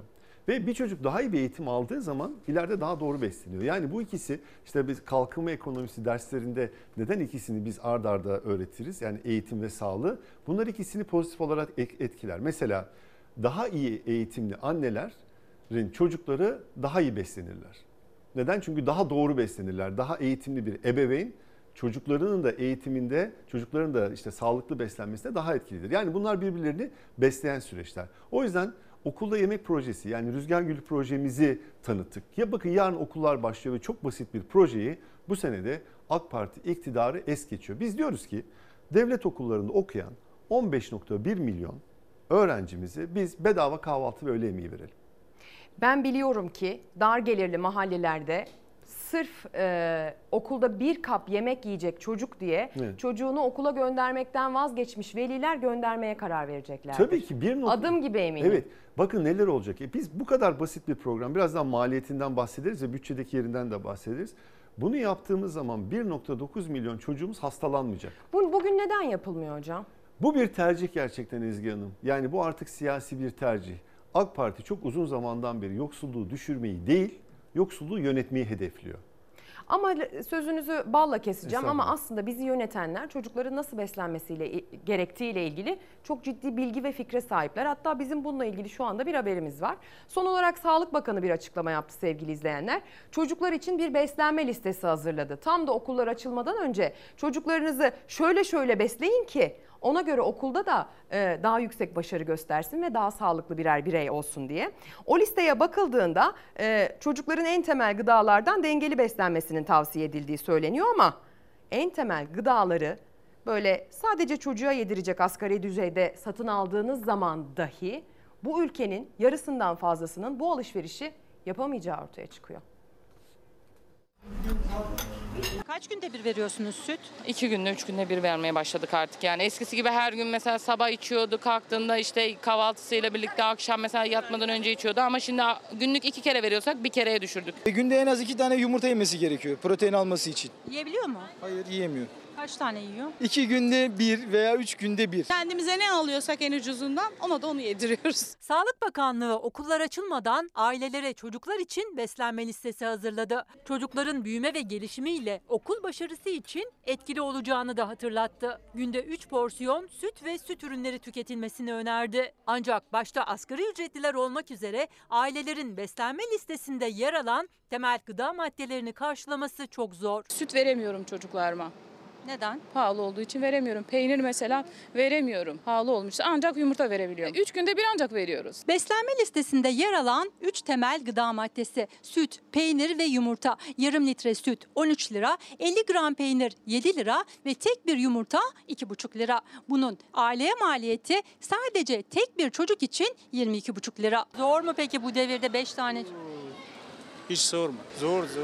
Ne iş yapıyorsunuz? Tekstilde çalışır. Yumurta her gün verebiliyor musunuz? Yumurta 30 tanesi 55 milyon olmuş. Haftada bir iki gün ancak yer. 3 temel gıdanın tek çocuk için aylık maliyeti 675 lira. 5 çocuklu tekstil işçisi bu babanınsa vereceği para 3375 lirayı buluyor. Oysa bakanlığın listesinde et, tavuk, balık, sebze, meyve, kuru bakliyat gibi yiyeceklerin yanı sıra kuru yemişler de yer alıyor. Bir kalıp peynir bir hafta gitmiyor 70-80 lira bir şey yani. Böyle bir şey mi olur ya?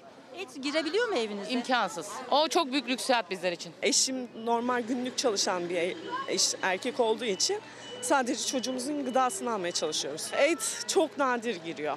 Çok çok nadir giriyor. Bu listeyi uygulamak mümkün mü? Yok, uygulayamayız. Gelişim çağındaki bir çocuğun her gün yemesi gereken et, süt, meyve, ekmek, bir bir tane ekmek 5 lira. İki tane ekmek yese zaten aylık hesabını ortaya çıkarttığımız zaman bu kadar maaş bile almıyoruz biz. Değil et, ekmek bile zor geliyor sofralara. Zaten Aile Bakanlığı da bunu doğruluyor. Bakanlığın verilerine göre 10.498 aile çocuklarının öz bakımlarını bile yaptıramayacak durumda. Sadece iki ekmeğin aile bütçesine maliyeti bile 300 lira. Nerede düzenli olarak et giriyor? Bir tavuk eti kırmızı et kadar oldu. 35 TL 40 TL'den tavuk eti alıyoruz kilosunu. Bütün bilinçli e, ebeveynler o listeyi zaten biliyordur ama listeden ziyade aslında bize gereken alım gücümüzün e, artırılabilmesi. Her şey para. O da 5500 lira neye yetecek? Otursunlar, düşünsünler bakalım. Artık aileler işin içinden çıkamıyorlar. Bakın göremediğimiz noktalarda e, evlerinden parasızlıktan dolayı çıkamadığı için gözümüzden uzak, gönlümüzden uzak olan yoksul ve açlık seviyesinde bu yoksulluğu yaşayan insanlarımız var ve bu insanlarımız bir çocuk sahibi ise fiyatlar böyleyken bu alışverişleri yapmak bu kadar zorken bir çocuğu okutmak bu kadar zor olmamalı dedik bu sabah. E, çocuklarını okula göndermekten vazgeçecekler hocam. Çok korkuyorum. Doğru. Çok basit. İşte biraz önce o tekstil işçisi babanın dediği gibi, o ev hanımının söylediği gibi yani bunlar çok yüksek maliyetler. Biz diyoruz ki bunları devlet karşılasın. Bu kadar basit. Yani bunları karşıladığı zaman 1.9 milyon çocuk hastalanmayacak. 1.6 milyon kişi yoksulluktan kurtulacak. Bunlar o kadar önemli veriler ki ve bunu çok rahatlıkla yapabilirsiniz. Peki hemen soru şu. Bütçede bunun yeri var mı? Bütçede bunun yeri var. Şimdi buradan isterseniz yavaş yavaş biraz makroekonomiye geçelim. Tamam. Biliyorsunuz geçen hafta orta vadeli program açıklandı. Orta Evet. vadeli program nedir? İşte e, ekonomiyle çok haşır neşir olmayan seyircileri anlatalım.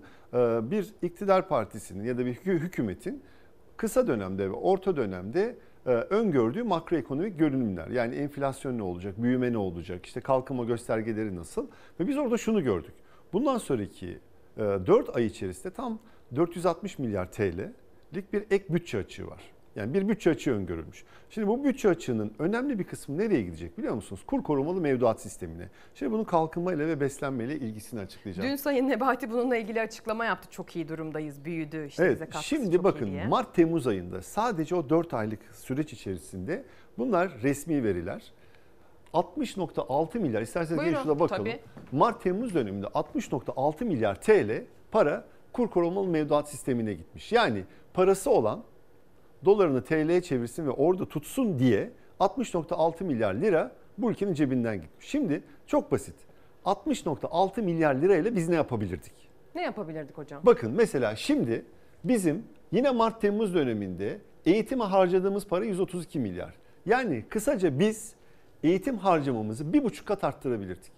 Ve böyle bu bütün so- e, şey bahsettiğimiz problemleri daha az konuşabilirdik. Üniversiteler biraz sonra e, belki de şeyi konuşacağız. Bu barınma, Barınma. krizini konuşacağız.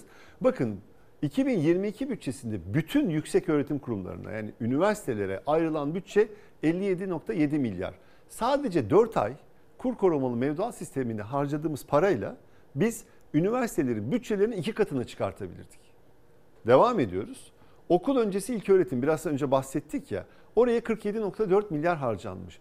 Onun çok daha fazlasını biz kur korumalı mevduat sistemine harcadık. Yani biz bütün çocuklarımızı okul öncesi eğitime yazdırabilirdik. Bunlar için hemen yatırımlara başlayabilirdik. Yapmamışız. Para sadece dolardan TL'ye geçip parasını orada tutmak isteyen vatandaşların cebine girsin diye. Devam ediyorum. Bakın birazdan barınma krizini konuşacağız dedik ya. 475 bin tane öğrenciye 60.6 milyar lirayla biz yeni bir yurt sağlayabilirdik. Sadece 4 aylık masrafıyla, 4 aylık bütçeyle.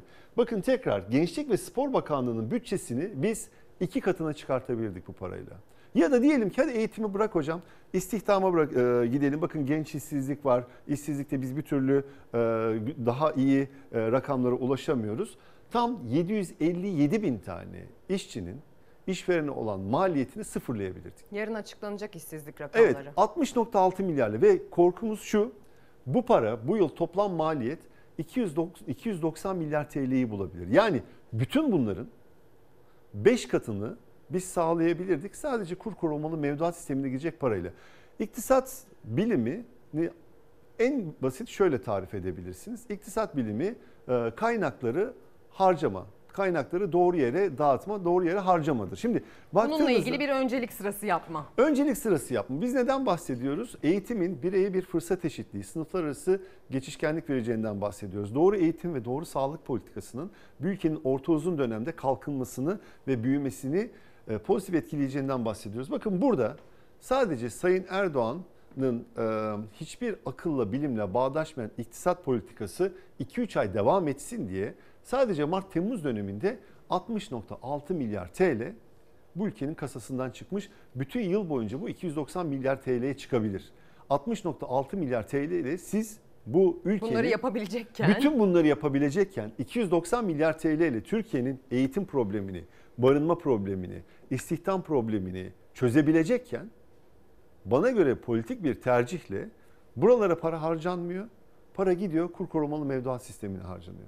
İşte o yüzden diyorum ki yani burada çok iyimser olmak lazım. Bu tür ucube yöntemleri bir kenara bırakıp bu ülkenin kaynaklarını doğru yerlere harcarsanız Türkiye çok kısa bir süre içerisinde hak ettiği yere gelir. O yüzden biz devamlı bu çözüm önerilerinden bahsediyoruz. Bu çok kısa sürede hak ettiği yere gelir noktasında biraz es vermek ve belki de bunun Tabii. altını biraz doldurmak istiyorum. Çünkü biliyorum ki bana gönderilen mesajlardan ve yakın çevremden umuda çok ihtiyacımız var. Evet. Siz bir parti temsilcisi olarak buradasınız ama aynı zamanda da bir profesyonel e, kimliğinizle de Evet. buradasınız. Yani bir ülkeye e, içinde bulunduğu ekonomik buhrandan çıkmanın yöntemleri farklı siyasi partiler farklı açıklamalar yapıyorlar. Farklı aksiyon vaatlerinde bulunuyorlar ama yani biz e, bugün başlasak doğru bir adım atmaya, bugün başlasak vatandaşımıza kıymet vermeye, bugün başlasak geleceğimizi bir yıl, iki yıl seçime kadar değil de 10 yıl, 20 yıl, 50 yıl vadesinde planlamayla yönetmeye e, ne zaman düze çıkarız hocam? Ben size söyleyeyim ilk olumlu etkilerini biz başa geldiğimiz zaman bir sene içerisinde vatandaşımız görür. Gıda enflasyonu düştüğünü görür. Eğitim harcamalarının düştüğünü yani kendi cebinden çocuğun eğitimi için e, çıkacak paranın düştüğünü görür. Ondan sonra hayatın daha az pahalı olduğunu görür. Çocuğunun daha rahat iş bulabildiğini görür. Çocuğunun barınma krizinin çözülebildiğini görür. Ondan sonra yani bizim yapacağımız eğitim politikalarının orta uzun dönemli büyümeye, kalkınmaya yansıması o biraz 4-5 seneyi bulur. Ama inan Aslında başa gelecekler de büyük bir riskle geliyorlar. Siyasi olarak bir yönetici kimliğiyle geliyorlar ama e, büyük bir istekle geliyoruz. Söyleyeyim. Yani o kadar rahat ki bu ülkenin çözülemeyecek hiçbir problemi yok. Bakın eğitimden bahsettik. Yarın okullar açılıyor. Biz nasıl yapacağımızdan bahsettik. Çocuk doğduğu andan itibaren birincisi ebeveynimizi bilinçlendirmemiz lazım.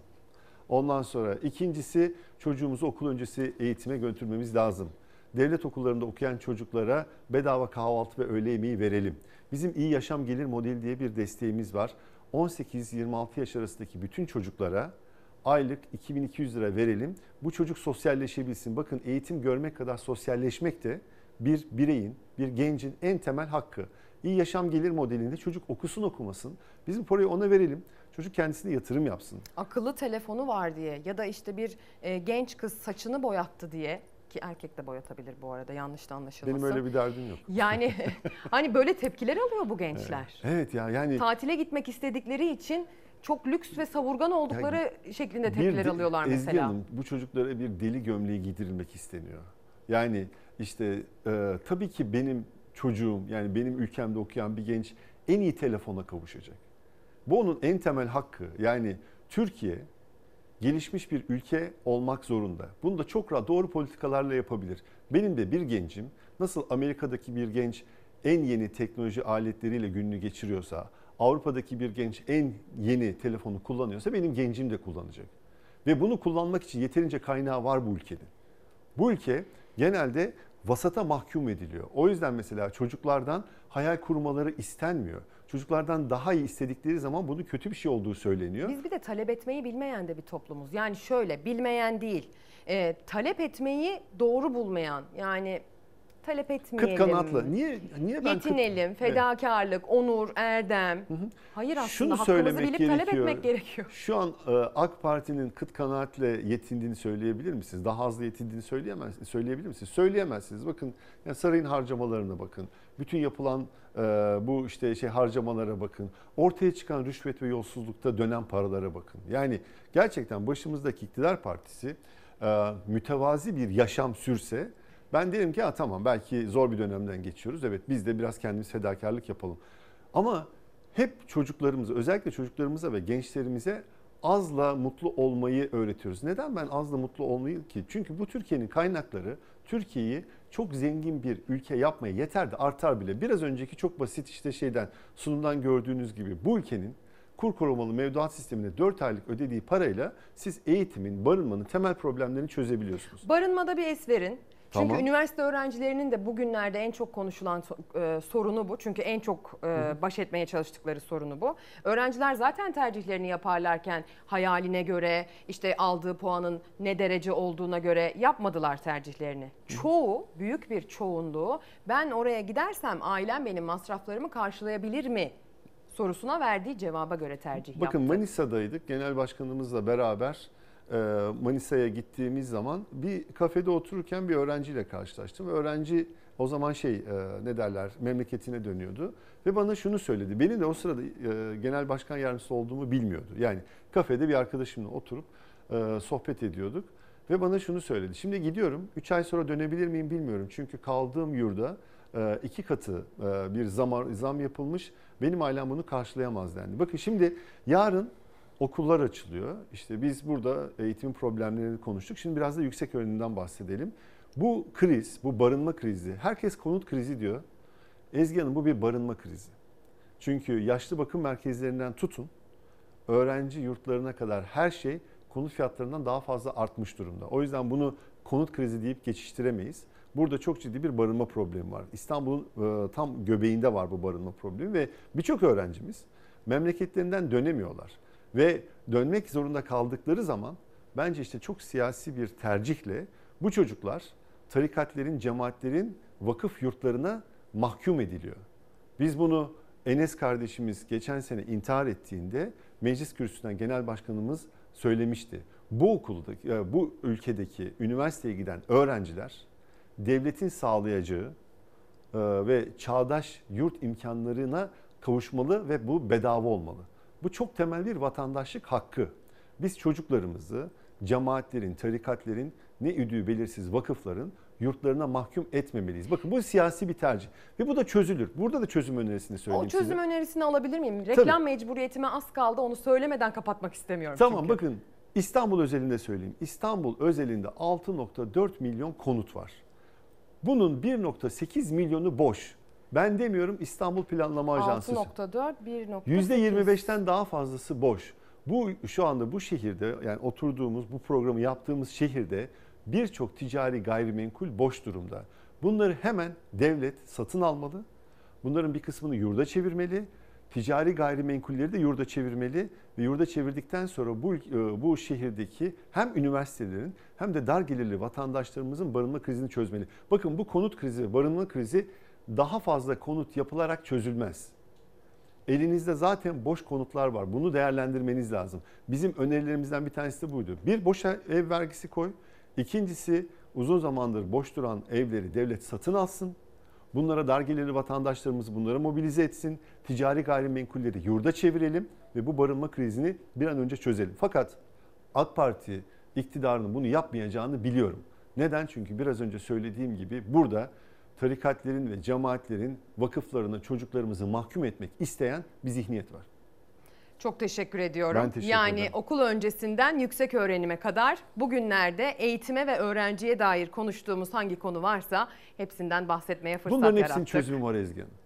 İnanın e, bizi bu pazar sabahı dinleyen vatandaşlarımız belki şimdi biraz içleri sıkılabilir. E, Ondan sonra daralabilirler. Yarın çocuklarının nasıl bir eğitim sistemine e, teslim edeceklerini düşünüyor olabilirler. Ama inanın bunların hepsinin çözümü var. Biz de yapacağız. Az kaldı. Teşekkürler bu umut vadeden sözler için de hepimizin ihtiyacı var diyelim. Kısa bir ara. Günaydın sevgili izleyenler. Ekran başına bir kez daha hoş geldiniz. Çalar Saat hafta sonu kaldığı yerden devam ediyor. Saat 8.30'dan bu yana Türkiye'den ve dünyadan gelişmeleri aktarırken iki özel konuğumuzla öğretmeni, öğrencisi, e, okul öncesi yüksek öğretmen e, öğrenimiyle pek çok konu başlığı altında eğitim meselesini masaya yatırma fırsatı bulduk. Mesajlarınızda görüyorum. Çocuğunu okula gönderenler, çocuğunu özel okula göndermek zorunda kalanlar çeşitli nedenlerle e, çok şikayetçiler içinde bulundukları durumdan. Bu işin ekonomisinden, bunu yönetememekten çok şikayetçiler ve hatta kapalı kapılar ardında biliyoruz ki çocuklarını sırf bu masrafları yüzünden okula gönderemeyen e, veliler de var. Zaten okula göndermeye çok yakın olmadığı için bir de üzerine masraflar eklenince gitmeyi versin diyenler var. Dolayısıyla en büyük korkumuz tümevarımda bunun ülke geleceğine zarar vermesi. İşte bu yüzden eğitim konusu bizim için önemli ve her zaman için öncelik sıramızda üst sıralarda yer alıyor. Siyasetin gündemine baktığınızda, Türkiye'nin büyük resmine baktığınızda gündemin ön sıralarında yer alan şey yaklaşan seçim. Kim ne demiş, hangi spekülasyon, hangi rüşvet iddiası, hangi kapalı kapının ardında hangi hesap yapılmış bunların hepsini oturup tek başına takip etmek ve hepsini anlamaya çalışmak gerçekten zor. İşte bu kritik süreçte imdadınıza yetişecek bir program, deneyimli gazetecilerin yorumları ve Fox Haber Genel Yayın Yönetmeni Doğan Şentürk'ün moderatörlüğünde orta sayfa. Biliyorsunuz geçtiğimiz yıl ilk sezonuydu. Cuma akşamları saat 23.30'da bizi ekrana kilitledi. E, bu yılda aynısını yapacak. Tatil bitti, özlem bitti, hasret bitti. Karşınızdayız. Bu, bu erken Şimdi seçim şöyle- konusundaki kulislerini bağladım. Şöyle bir şey var. AK Parti meclis grubu ve yönetimi aslında 23 Kasım'da bir erken seçim istediler. Bu o, şu andaki ekonomik koşulların biraz gevşemesini istiyor e, Cumhurbaşkanı. 2022 yılı bütçesi 1.8 trilyondu. Bu yetmedi. Ee, yılın yarısında bitti. Ek bütçe çıkarıldı. Ama daha çok Cumhuriyet Halk Partisi yönetimi bir operasyonla karşı karşıya olduklarına inanıyorlar. Asla tartışmayalım diyorlar hiçbir konuda. E konuşmayalım. Konuşulmayanlar konuşuldu, tartışılmayanlar tartışıldı. Orta sayfa yeni sezona 100. Kurtuluş Yılını kutlayan İzmir'den merhaba dedi. Yine gündem belirleyen kulis bilgileriyle siyasetin nabzı tutuldu. Hem Kılıçdaroğlu cephesinden var hem Akşener cephesinden var ama 2 Ekim'de Cumhuriyet Halk Partisi'nin ev sahipliğinde altılı masa toplanacak. Meral Akşener'le bunun haricinde bir parantez açarak büyük ihtimalle iki kere görüşeceği kulisini aldım.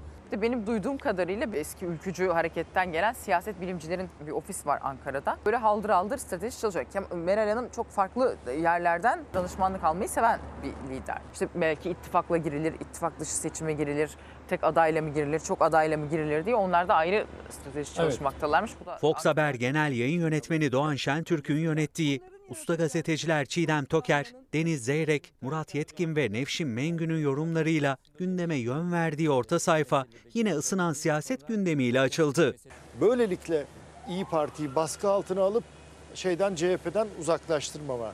Burada operasyonun yapıldığını haber haberi bu yani. E, Ve burada biliyorlarsa niye teşhir etmiyorlar? Ne CHP ne e, İyi Parti ne de diğerleri daha çok büyük kitle partileri homojen değiller. Değişik gruplarla çeşitli ittifaklar içine girebilirler. Bir Altılı Masa'da partiler arasında yaşananlar orta sayfada aralandı. Şimdi bu asla altılı masada konuşulmuyor ama şimdi mesela Kemal Bey bir programa gidiyor. Orada CHP'li belediye başkanı işte Cumhurbaşkanımız diyor mesela. Diyorlar ki yani İYİ Partilerde ya tamam ve olacaksa olsun ama bunun bu masa içerisinde bir konuşulması, bir tartışılması, bir strateji çizilmesi lazım. Tabii Akşener cephesinden benim aldığım HDP ile ilgili e, net e, mesajlar var. Siyasetteki erken seçim tartışması da orta sayfadaydı. Ekonominin patronunu mu değiştirmek istiyor Deniz? Sende Öyle bir şey var. Bu şimdi Ankara'da ben iki haftadır bunu duyuyorum.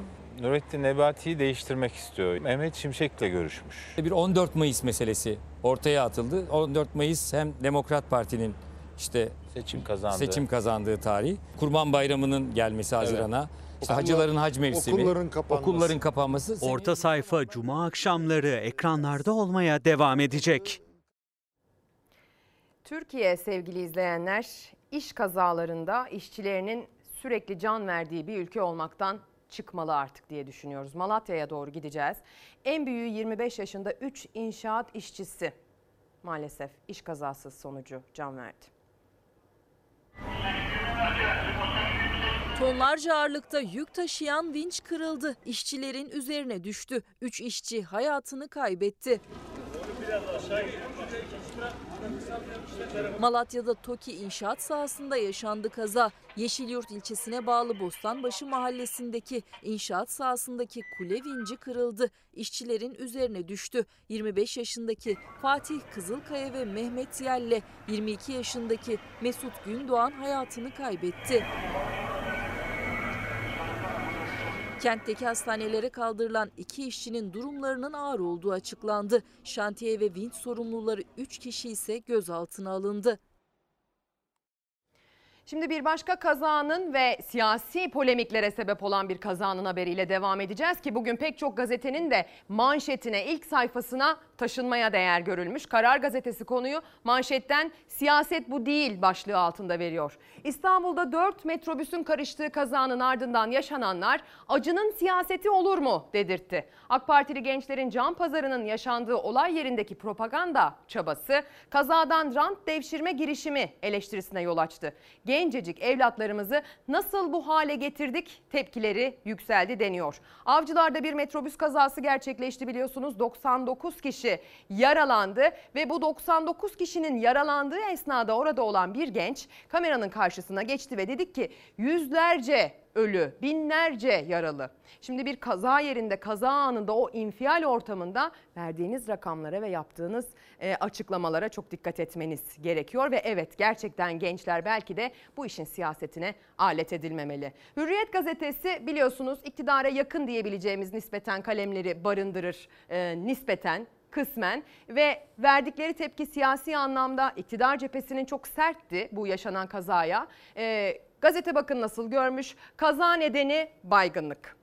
İstanbul'da 99 kişinin yaralandığı metrobüs kazasına şoför Mahsum Kibar'ın fenalık geçirmesinin neden olduğu ortaya çıktı diyor. Hürriyet gazetesi ilk sayfasında yer vermiş, küçük bir yer vermiş, nedenini öne çıkartmış. Cumhuriyet gazetesine bakalım. Cumhuriyet gazetesi konuyu hangi köşesinden tutmuş? İlk sayfaya taşımış ve genişçe yer vermiş, büyük bir başlık atmış. Gençleri alet ettiler diyor.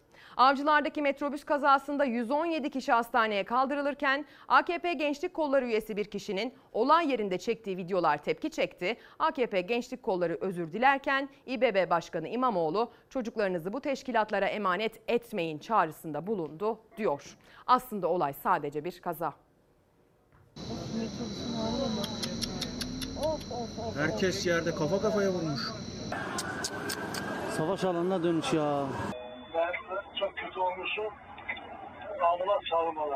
Metrobüs şoförü direksiyon başında fenalaştı. Ambulans çağırın dedi. Bu sözlerinden saniyeler sonra araç kontrolden çıktı. Önce bariyerlere ardından karşı yönden gelen metrobüse çarptı. 4 metrobüsün karıştığı kazada 99 kişi yaralandı. Aralarında fenalaşan sürücünün de bulunduğu 3 yaralı yoğun bakımda. Yürüyemiyorum burada sıkıştık. Eyvah eyvah eyvah. Eyvah eyvah eyvah. Metrobüs kafa kafaya girdi. Durum çok kötü. Abim tam böyle durak çıkışı e, yolcuları aldıktan sonra kendini iyi hissetmediğini, ambulans istediğini e, yolculara e, söylüyor. Ben çok kötü olmuşum. Ambulans çağırmalı. Çok kötü olmuşum. Cuma akşam saatlerinde metrobüs şoförü Mahsur Kibar avcılarda yolcularını alıp hareket etti. Bir sonraki durağa varamadan fenalaştı. Elini başına götürdü. Çevredekilerden ambulans istedi. Ama kaza saniyeler içinde geldi. Hani Bayağı gazda kalıyor herhalde. Yani hızı da 10 ve 13 olduğu söyleniyor oradakilerin deyimiyle. Ondan sonra da artık bir bariyerlere çarpıyor, sendeliyor ve çarpışma gerçekleşiyor. Toplam 4 metrobüsün karıştığı büyük bir kaza meydana geldi. Yaralılar metrobüs yoluna savruldu. Araçların içinde sıkıştı. Toz dumanın ardından büyük bir korku ve panik yaşandı. Ay sıkışmış kadın orada kanlar içinde. Onlarca ambulans ve itfaiye ekibi geldi olay yerine. Çevredeki sivillerin de yardımıyla tek tek çıkarıldı yaralılar. Tam 99 kişi çevre hastanelere sevk edildi. Ekrem İmamoğlu da önce olay yerinde inceleme yaptı. Ardından hastanede yaralıları ziyaret etti. şey, Tamam. İmamoğlu yaralıları ziyaret ederken kazayla ilgili Ulaştırma Bakanı Adil Kara İsmailoğlu İstanbul Büyükşehir Belediyesi'ni eleştirdi. Kazanın sebebi liyakatsiz kadrolar dedi. Bu kaza yanlış giden bazı şeylerin İstanbul'da olduğunun habercisiydi. Bu liyakatsiz kadrolar iş başına geldikten sonra bu tür kazalar yaşamaya başladık. Bu rahatsızlanan şoförümüz 2006 girişli e, ve 2012'den beri Büyükşehir Belediye'mizde metrobüs hattında çalışan da bir deneyimli bir şoförümüz. İstanbul Büyükşehir Belediye Başkanı Ekrem İmamoğlu kazanın sebebini ve şoförün hangi tarihte işe girdiğini açıklayarak yanıt verdi Ulaştırma Bakanı'na. Onlarca kişinin yaralandığı kazanın siyasete karıştırılmasına da tepki gösterdi. İstanbul'daki çok affedersiniz sözcüsü ya da borazanı neredeyse düğün dernek kuracak. Bu nasıl bir ahlaka dönüştü? Bu nasıl bir terbiyeye dönüştü? Ya hayretle içim yanarak, kavrularak bunu izliyorum. İstanbul Valiliği 99 yaralıdan 88'inin taburcu olduğunu duyurdu. 3'ü yoğun bakımda, 11 yaralının tedavisi ise sürüyor. Sağlık sorunu kaza. Liyakat eleştirisi yaparken bu konuda da tabii ki kendinize çok güveniyor olmanız lazım sevgili izleyenler. Şimdi devam ediyoruz. Ee, az evvel reklam arasında terasta bir kısa mola verirken e, Meltem abla, Meltem Küçük şu an işaret dili tercümemizi yapıyor kendisi. Kendimiz şu an kendi ismini çeviriyor muhtemelen. Ee, salça fiyatını en ucuz markette 110 liraya bulduğunu söyledi. Sıradaki haberde bununla alakalı salçada ihracata ve domateste kısıtlama kayıt şartı getirildi. Bundan şimdi melemen yapacağız. Bu yapılır mı bu fiyatta? Bu sene salata için bile alamıyoruz. Fiyatlardan dolayı. Maalesef. yükseleceği belliydi. Biz bunu barın barın bağırdık domates yükselecek. Biz bu domatesin böyle yüksek olacağını sezon başlamadan önce söylemiştik. Geçen yılda zarar ettiği elinde kalan domatesi döktüğü için bu yıl domatesi yeteri kadar ekemedi üretici. Gübreden mazota, ilaçtan elektriğe kadar her kalemde maliyeti katlandı. Ürün az olunca fiyatı da arttı. Ocak ayında tarlada 4 lira 75 kuruşa çıkan domates 12 liradan satılıyordu tezgahta. Şubat'ta tezgahta 24 liraya kadar çıktı fiyatlar. Haziranda tarlada 2 lira 7 kuruşa düştü kilosu ama tüketici 14 liradan tüketti. Şimdi 16 ile 20 lira arasında. Geçen yıl aldığımız 1 liraya domates şimdi oldu 5-6 lira. Üretimde sıkıntı yaşıyoruz. Domates üretiminde artan maliyetler salçanın da fiyatını yükseltiyor ki Ocak ayında 830 gramlık domates salçası 15 liradan satılıyordu. Fiyatı Haziran ayında 20 liraya çıktı. Şimdi de marketlerde 26 lirayla 28 lira arasında satılıyor. Üretici artan maliyete, tüketici de yükselen fiyatlara çözüm beklerken ihracat hamlesi geldi Ticaret Bakanlığı'ndan. Domates ve salça ihracatına kayıt şartı getirildi. Resmi gazetede yayımlanan kararla domates ihracı kayda bağlı mallar listesine eklendi. Eğer yapabilirsek iklim şartları uygun olursa çünkü biz biberde Kasım ayına kadar yani kıra yağıncaya kadar çalışıyoruz.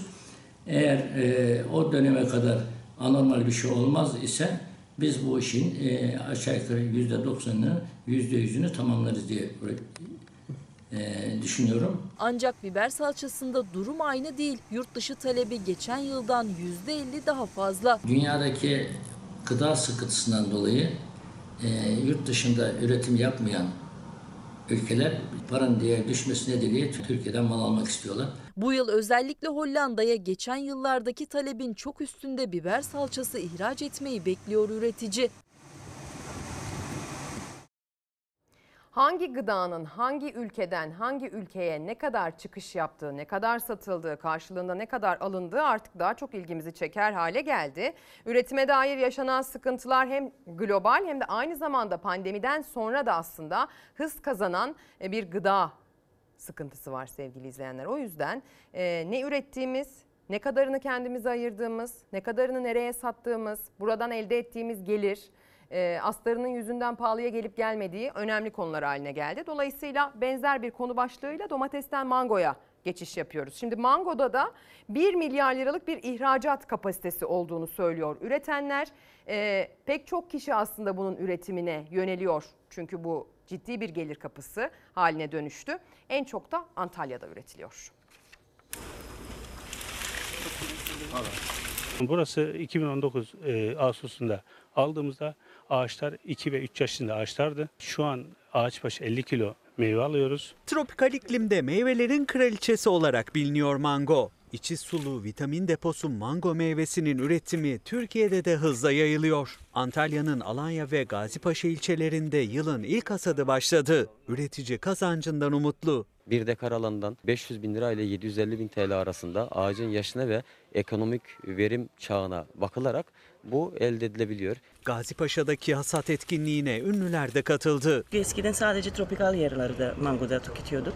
Şimdi kendimiz ülkemize kendimiz meyveler üretim başladı. Tebrik ediyorum herkese burada. Çiftçiler zaten hakikaten bu işleri severek yapıyorlar. İlçede 3 yıl önce 7 bin metrekarelik alana mango eken üretici Mustafa Karagöz, bu yıl 32 bin metrekarelik yeni bir sera kurduklarını söyledi. Burada iki çeşit üzerinde karar kıldık. 32 bin metrekareye 4 bin adet e, mango daha toprakla buluşturduk. Tropikal ürünler denince ilk gelen akla e, muz ve e, avokado geliyor. Bu muz ve avokado ürünlerinde çok ciddi su istediğinden dolayı ancak mango bitkisine baktığımızda su oranı yaklaşık e, yüzde 50 daha az e, sulama yapıyoruz. Alanya Ziraat Odası Başkanı Tahir Göktepe ise mango ihracatı konusunda Türkiye'nin potansiyelinin çok yüksek olduğundan bahsetti. İhracat kapasitesi şu anda bizim özellikle tam bir geçiş bölgesinde olduğumuzdan dolayı rakibimiz sadece e, Mısır, İspanya e, kalıyor. Şu anda 1 milyar doların üzerinde e, ihracat kapasitesi var. Antalya ve hatta Akdeniz'in iklimi tropikal yetiştiricilik konusunda çok elverişli. Biliyorsunuz avokado yetiştiriciliğinde de Antalya ülkede böyle başı çeken bir il halinde. Mersin'de keza peşinden geliyor. Yani aslında insanlar desteklenirlerse o bölgenin çiftçisi ve bu anlamda yönlendirilirlerse bakın sayılan o ülkelerle rekabet etme şansına sahip olacaklar. Bizim üretim konusunda rekabet gücümüzün çok yüksek olması lazım. Çünkü dünya artık tamamen bütün hamlesini bu gıdaya yönelik yapıyor. Bizim de hamlelerimizi gıdaya yönelik yapmamız, çiftçimizin refahını arttırmamız ve dolayısıyla karnımızı doyuracak bir şeyler aradığında bulabilmemiz lazım uygun fiyata. Erişebilir rakamlara bulabilmemiz lazım sevgili izleyenler. Son dönemde erişilebilir rakamlara bir türlü bulunamayan tüketim kalemi ayçiçek yağı fiyatı açıklandı. 16 lira istiyorlardı. Şu anda mecburen fiyat açıklanmadığı için 10 liradan vermek zorunda kalıyoruz tüccara. Tüccarın insafına göre e, değerlendiriliyor emeğimiz diyorlardı. 16 lira isterken 12 lira açıklandı.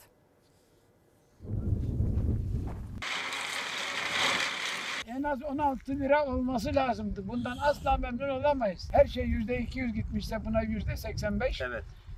Memnun olmak mümkün değil. Vallahi ayçiçek yağı fiyatları aldı başına gitti malum. Normalde 120-130 lira aldığımız yağ şu an için 190 lira 200 liralık bir rakamlarda seyrediyor.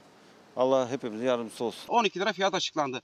Biz bu fiyatı yeterli bulmuyoruz. Ne üretici memnun fiyatlardan ne tüketici. Market rafında 200 liraya kadar çıkıyor fiyatı 5 litrelik ayçiçek yağının. Tüketici zaten uzun zamandır fiyatlardan dertli. Üreticinin de gözü ayçiçek alım fiyatlarındaydı. Geçen sene 6,5 lira olan alım fiyatı 12 liraya çıktı. Ama beklenti en az 16 liraydı. %85'lik fiyat artışı %200'den fazla artan maliyetin çok altında kaldı. Kullanılan gübreler yüzde 350 arttı. Elektriğe ne kadar zam geldi? Yüzde 220. Verilen fiyat 12 lira falan değil. 12 liracık.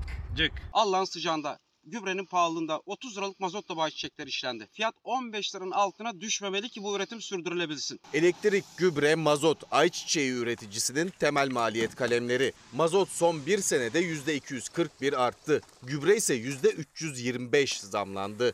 Ayçiçeği alım fiyatındaki artışsa %85'te sınırlı kaldı. Üretici maliyetini karşılayamadı. Hükümet e, bize ne olursa olun arkanızdayız sizi teşvik edeceğiz demişti. Her yere ekin demişti. Her yere nerede boş arazi bulursanız ekin demişti ama maalesef e, biz de inandık ektik ama e, sonuç işte doyurucu olmadı. Tatmin edici olmadı. İnandığımız boyutta zarara girdik. Çok pahalı. Gücümüz yetmiyor. Bir kiloluklardan ancak alabiliyoruz. Yoksa alamıyoruz. Mümkün değil. Ayçiçeği alım fiyatı üreticiyi memnun etmedi. Ayçiçeği yağının fiyatı ise tüketiciyi memnun etmiyor. Market rafında en ucuz 5 litrelik yağın fiyatı 175 liradan başlıyor, 200 liraya kadar çıkıyor. Üretici mutsuz, tüketici de artan fiyatlardan şikayetçi. Tarım kredinin diğer ürünlerinde de şeker, buğday, un vesaire aklınıza ne gelirse zeytinyağı, ayçiçeği bütün bunlarda da özellikle 20 30 40 çeşit üründe de süratle indirime gidecek. Cumhurbaşkanı Erdoğan temel gıda ürünlerinin uygun fiyata tarım kredi kooperatifi marketlerinde satılacağını duyurmuştu. Birkaç ürün dışında raflara o indirim pek yansımadı. İndirim için en etkili çözüm üreticinin yükünün hafifletilmesiydi. O da olmadı. Tarım Kredi Kooperatifi üreticinin aldığı gübreye de zam yaptı. Üretmeniz için ne lazım? Gübre fiyatlarının makul seviyede olması lazım. Mazot fiyatlarının düşmesi lazım. Ürettiğimiz ürünün para yapması lazım. Ayçiçeği alamamak, evine temel gıda ürünlerini alamamak, üzerine başına giyecek kıyafet alamamak, kışlık bir ayakkabı, kışlık bir mont, çoluğunu çocuğunu soğuktan koruyacak bir kıyafet alamamak bunlar artık e, çok yaygın yaşanan yani böyle ülkenin bir kısmının değil böyle yarısının falan yaşadığı bir sıkıntı haline gelince bit pazarına nur yağdı. Yeni eski milletin ucuz bulup alması. Anahtar, tornavide, pense, levye, çekuş, keser ne ararsan. Tabak, bardak, çatal, tüp, radyo, telefon ve akla gelebilecek her şey ikinci el pazarında. Fiyatlar bütçeleri yenisi kadar zorlamayınca talep de fazla. Ver 30 lira. Ana. Yine de hadi. Anahtarı bulamadım bile şunu aradım Mağaza aradım. para almıyor. Hadi. Tokat'ın en eski pazar yerlerinden birisi Cuma Pazarı. Sabah erken saatlerde açılıyor. Bütçesi kısıtlı olanın ya da yenisine gerekenden fazla para harcamak istemeyenlerin uğrak noktası. Şu anahtar başka bir yerden almış olsa bayağı pahalı. Vatandaşa yenisini alıp e, 3-5.90 veriyor. O da kazanıyor, biz de kazanıyoruz. Hemen her kalemde, her üründe fiyatlar zamlı artık. Tüketici elinden geldiğince tasarruf yapmaya, ikinci el pazarlarında ihtiyaçlarının bir kısmını bulmaya, daha uyguna almaya çalışıyor. en temel ihtiyaçlarını e, bu şekilde karşılamaya çalışan insanlar var. Bir de tabii ki bu hani buralardan alışveriş yapmak yaygınlaşıyor. Buralardan alışveriş yapmak çok daha alternatif bir kültüre dahil olmak şeklinde de görülebiliyor. Biliyorsunuz İstanbul'da da var çok meşhur böyle ikinci el pazarları. Çok ciddi tasarım ürünleri, çok ciddi koleksiyonerlerin böyle rağbet gösterdiği bir takım standları barındırıyor aynı zamanda bu tarz pazarlar ve aslında çok gelişmiş dünyanın en gelişmiş ülkelerine baktığınızda da evlerinin önüne tezgah kurarak kullanmadıkları eşyaları gayet orta gelir seviyesinde insanların sattığına şahit oluyoruz. Galiba artık Türkiye'de de bu durumlara daha fazla rastlıyor olacağız ya da belki de e, takas ekonomisinin geliştiğine, insanların bir takım eşyalarını takas ederek bu ekonomik durumu atlatmaya çalıştığına da şahit olacağımız günler yakın olabilir diyeceğiz ve e, daha kalem olarak pahalı olan bir başka ürünün satışıyla devam edeceğiz. Elektronik ürün, akıllı telefon, tablet, bilgisayar bunların hepsi maalesef bize ait teknolojiler olmadıkları için dolar kuruna göre fiyatı değişen ürünler sevgili izleyenler.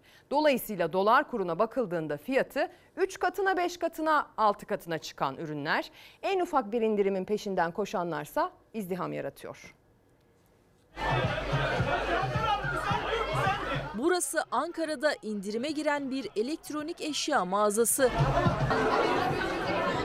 Burası ise Eskişehir. Onlarca kişi 18 bin liradan 14 bin liraya düşen cep telefonundan alabilmek için bir gece önceden sıraya girdi. Biz 8'den beri bekliyoruz. A'dan Z'ye her şeyin fiyatı günden güne katlanıyor. Özellikle de elektronik eşyalar. Fiyatları üst üste gelen zamlarla bütçelerin çok üstüne çıktı. Öyle ki indirimli fiyatları bile yüksek. Ancak ihtiyacı olan almak isteyen için az da olsa indirim önemli. E, açılışı özel kampanya varmış onun için geldik bekliyoruz. Gece dün gece saat 11.30'dan beri.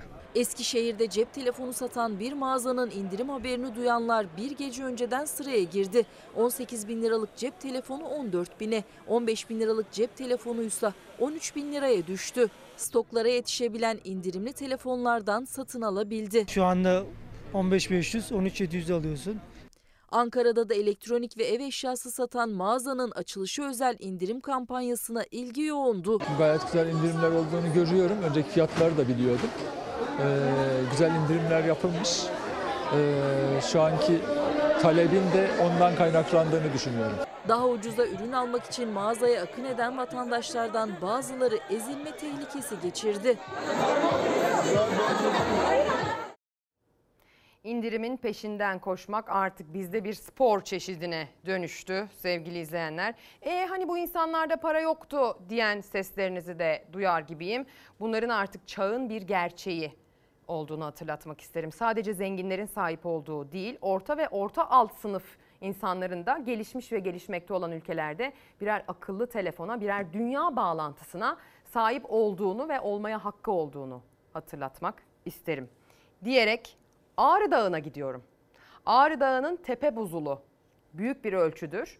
Yüksek dağların tepe buzulunun ne ölçüde eridiği ve ne ölçüde varlığını koruduğu. Bakın ne durumda.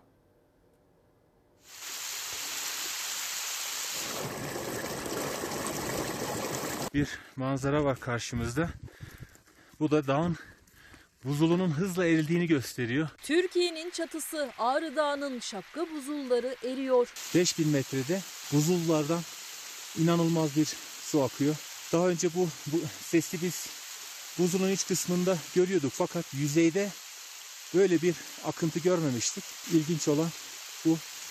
Demek ki çok hızlı bir şekilde buzul eriyor. Küresel ısınmanın zararları her geçen gün daha da büyüyor. Artan sıcaklık tüm dünyada kuraklığa neden olurken buzulları da günden güne eritiyor. İran ve Ermenistan sınırında yer alan Ağrı'nın Doğu Beyazıt ilçesi ile Iğdır arasında bulunan 5137 metrelik yüksekliğiyle Türkiye'nin en yüksek dağı olan Ağrı Dağı'nın buzulla kaplı zirvesi de her geçen gün eriyor.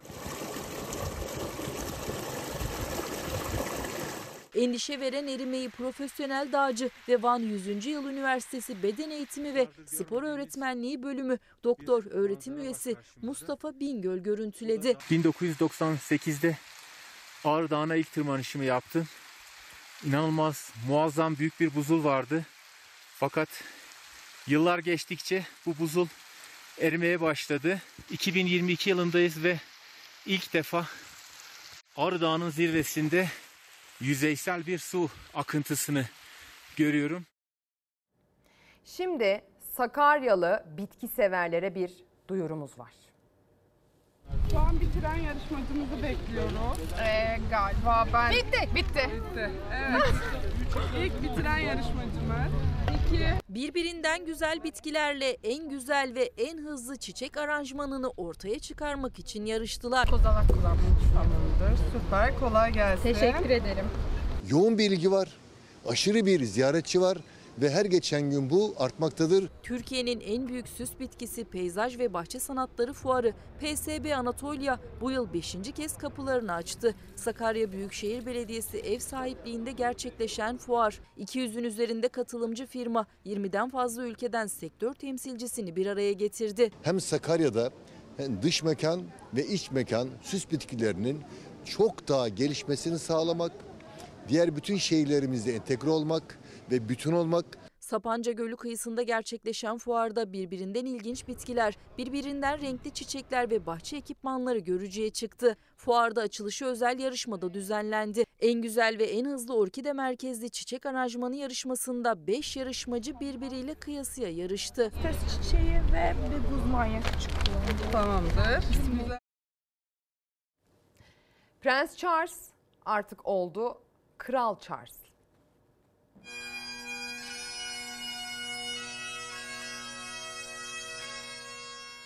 Kraliçe Elizabeth'in hayatını kaybetmesiyle 70 yıllık dönem sona erdi. Tahtın varisi Kraliçe Elizabeth'in oğlu 73 yaşındaki Charles resmen kral ilan edildi. İngiliz kraliyetinde yeni dönem düzenlenen törenle başladı. Your Majesty to make your declaration.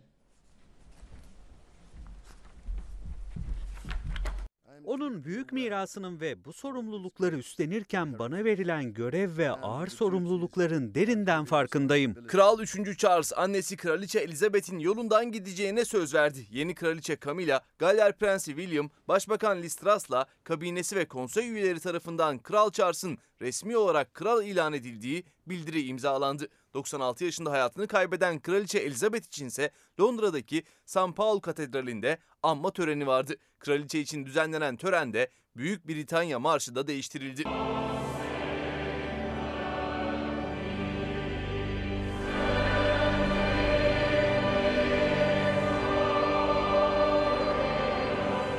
Kraliçenin cenazesinin hayatını kaybettiği İskoçya'daki Balmoral Kalesi'nden Londra'ya getirilmesi bekleniyor. Londra'ya getirildiğinde ziyaret içinde parlamento binasındaki Westminster Hall'de tutulacak. İngiliz halkı 70 yıl tahta kalan yaklaşık bir asla tanıklık eden kraliçelerine son vedayı böyle edecek. Kraliçenin cenaze töreni ise 19 Eylül pazartesi günü yapılacak.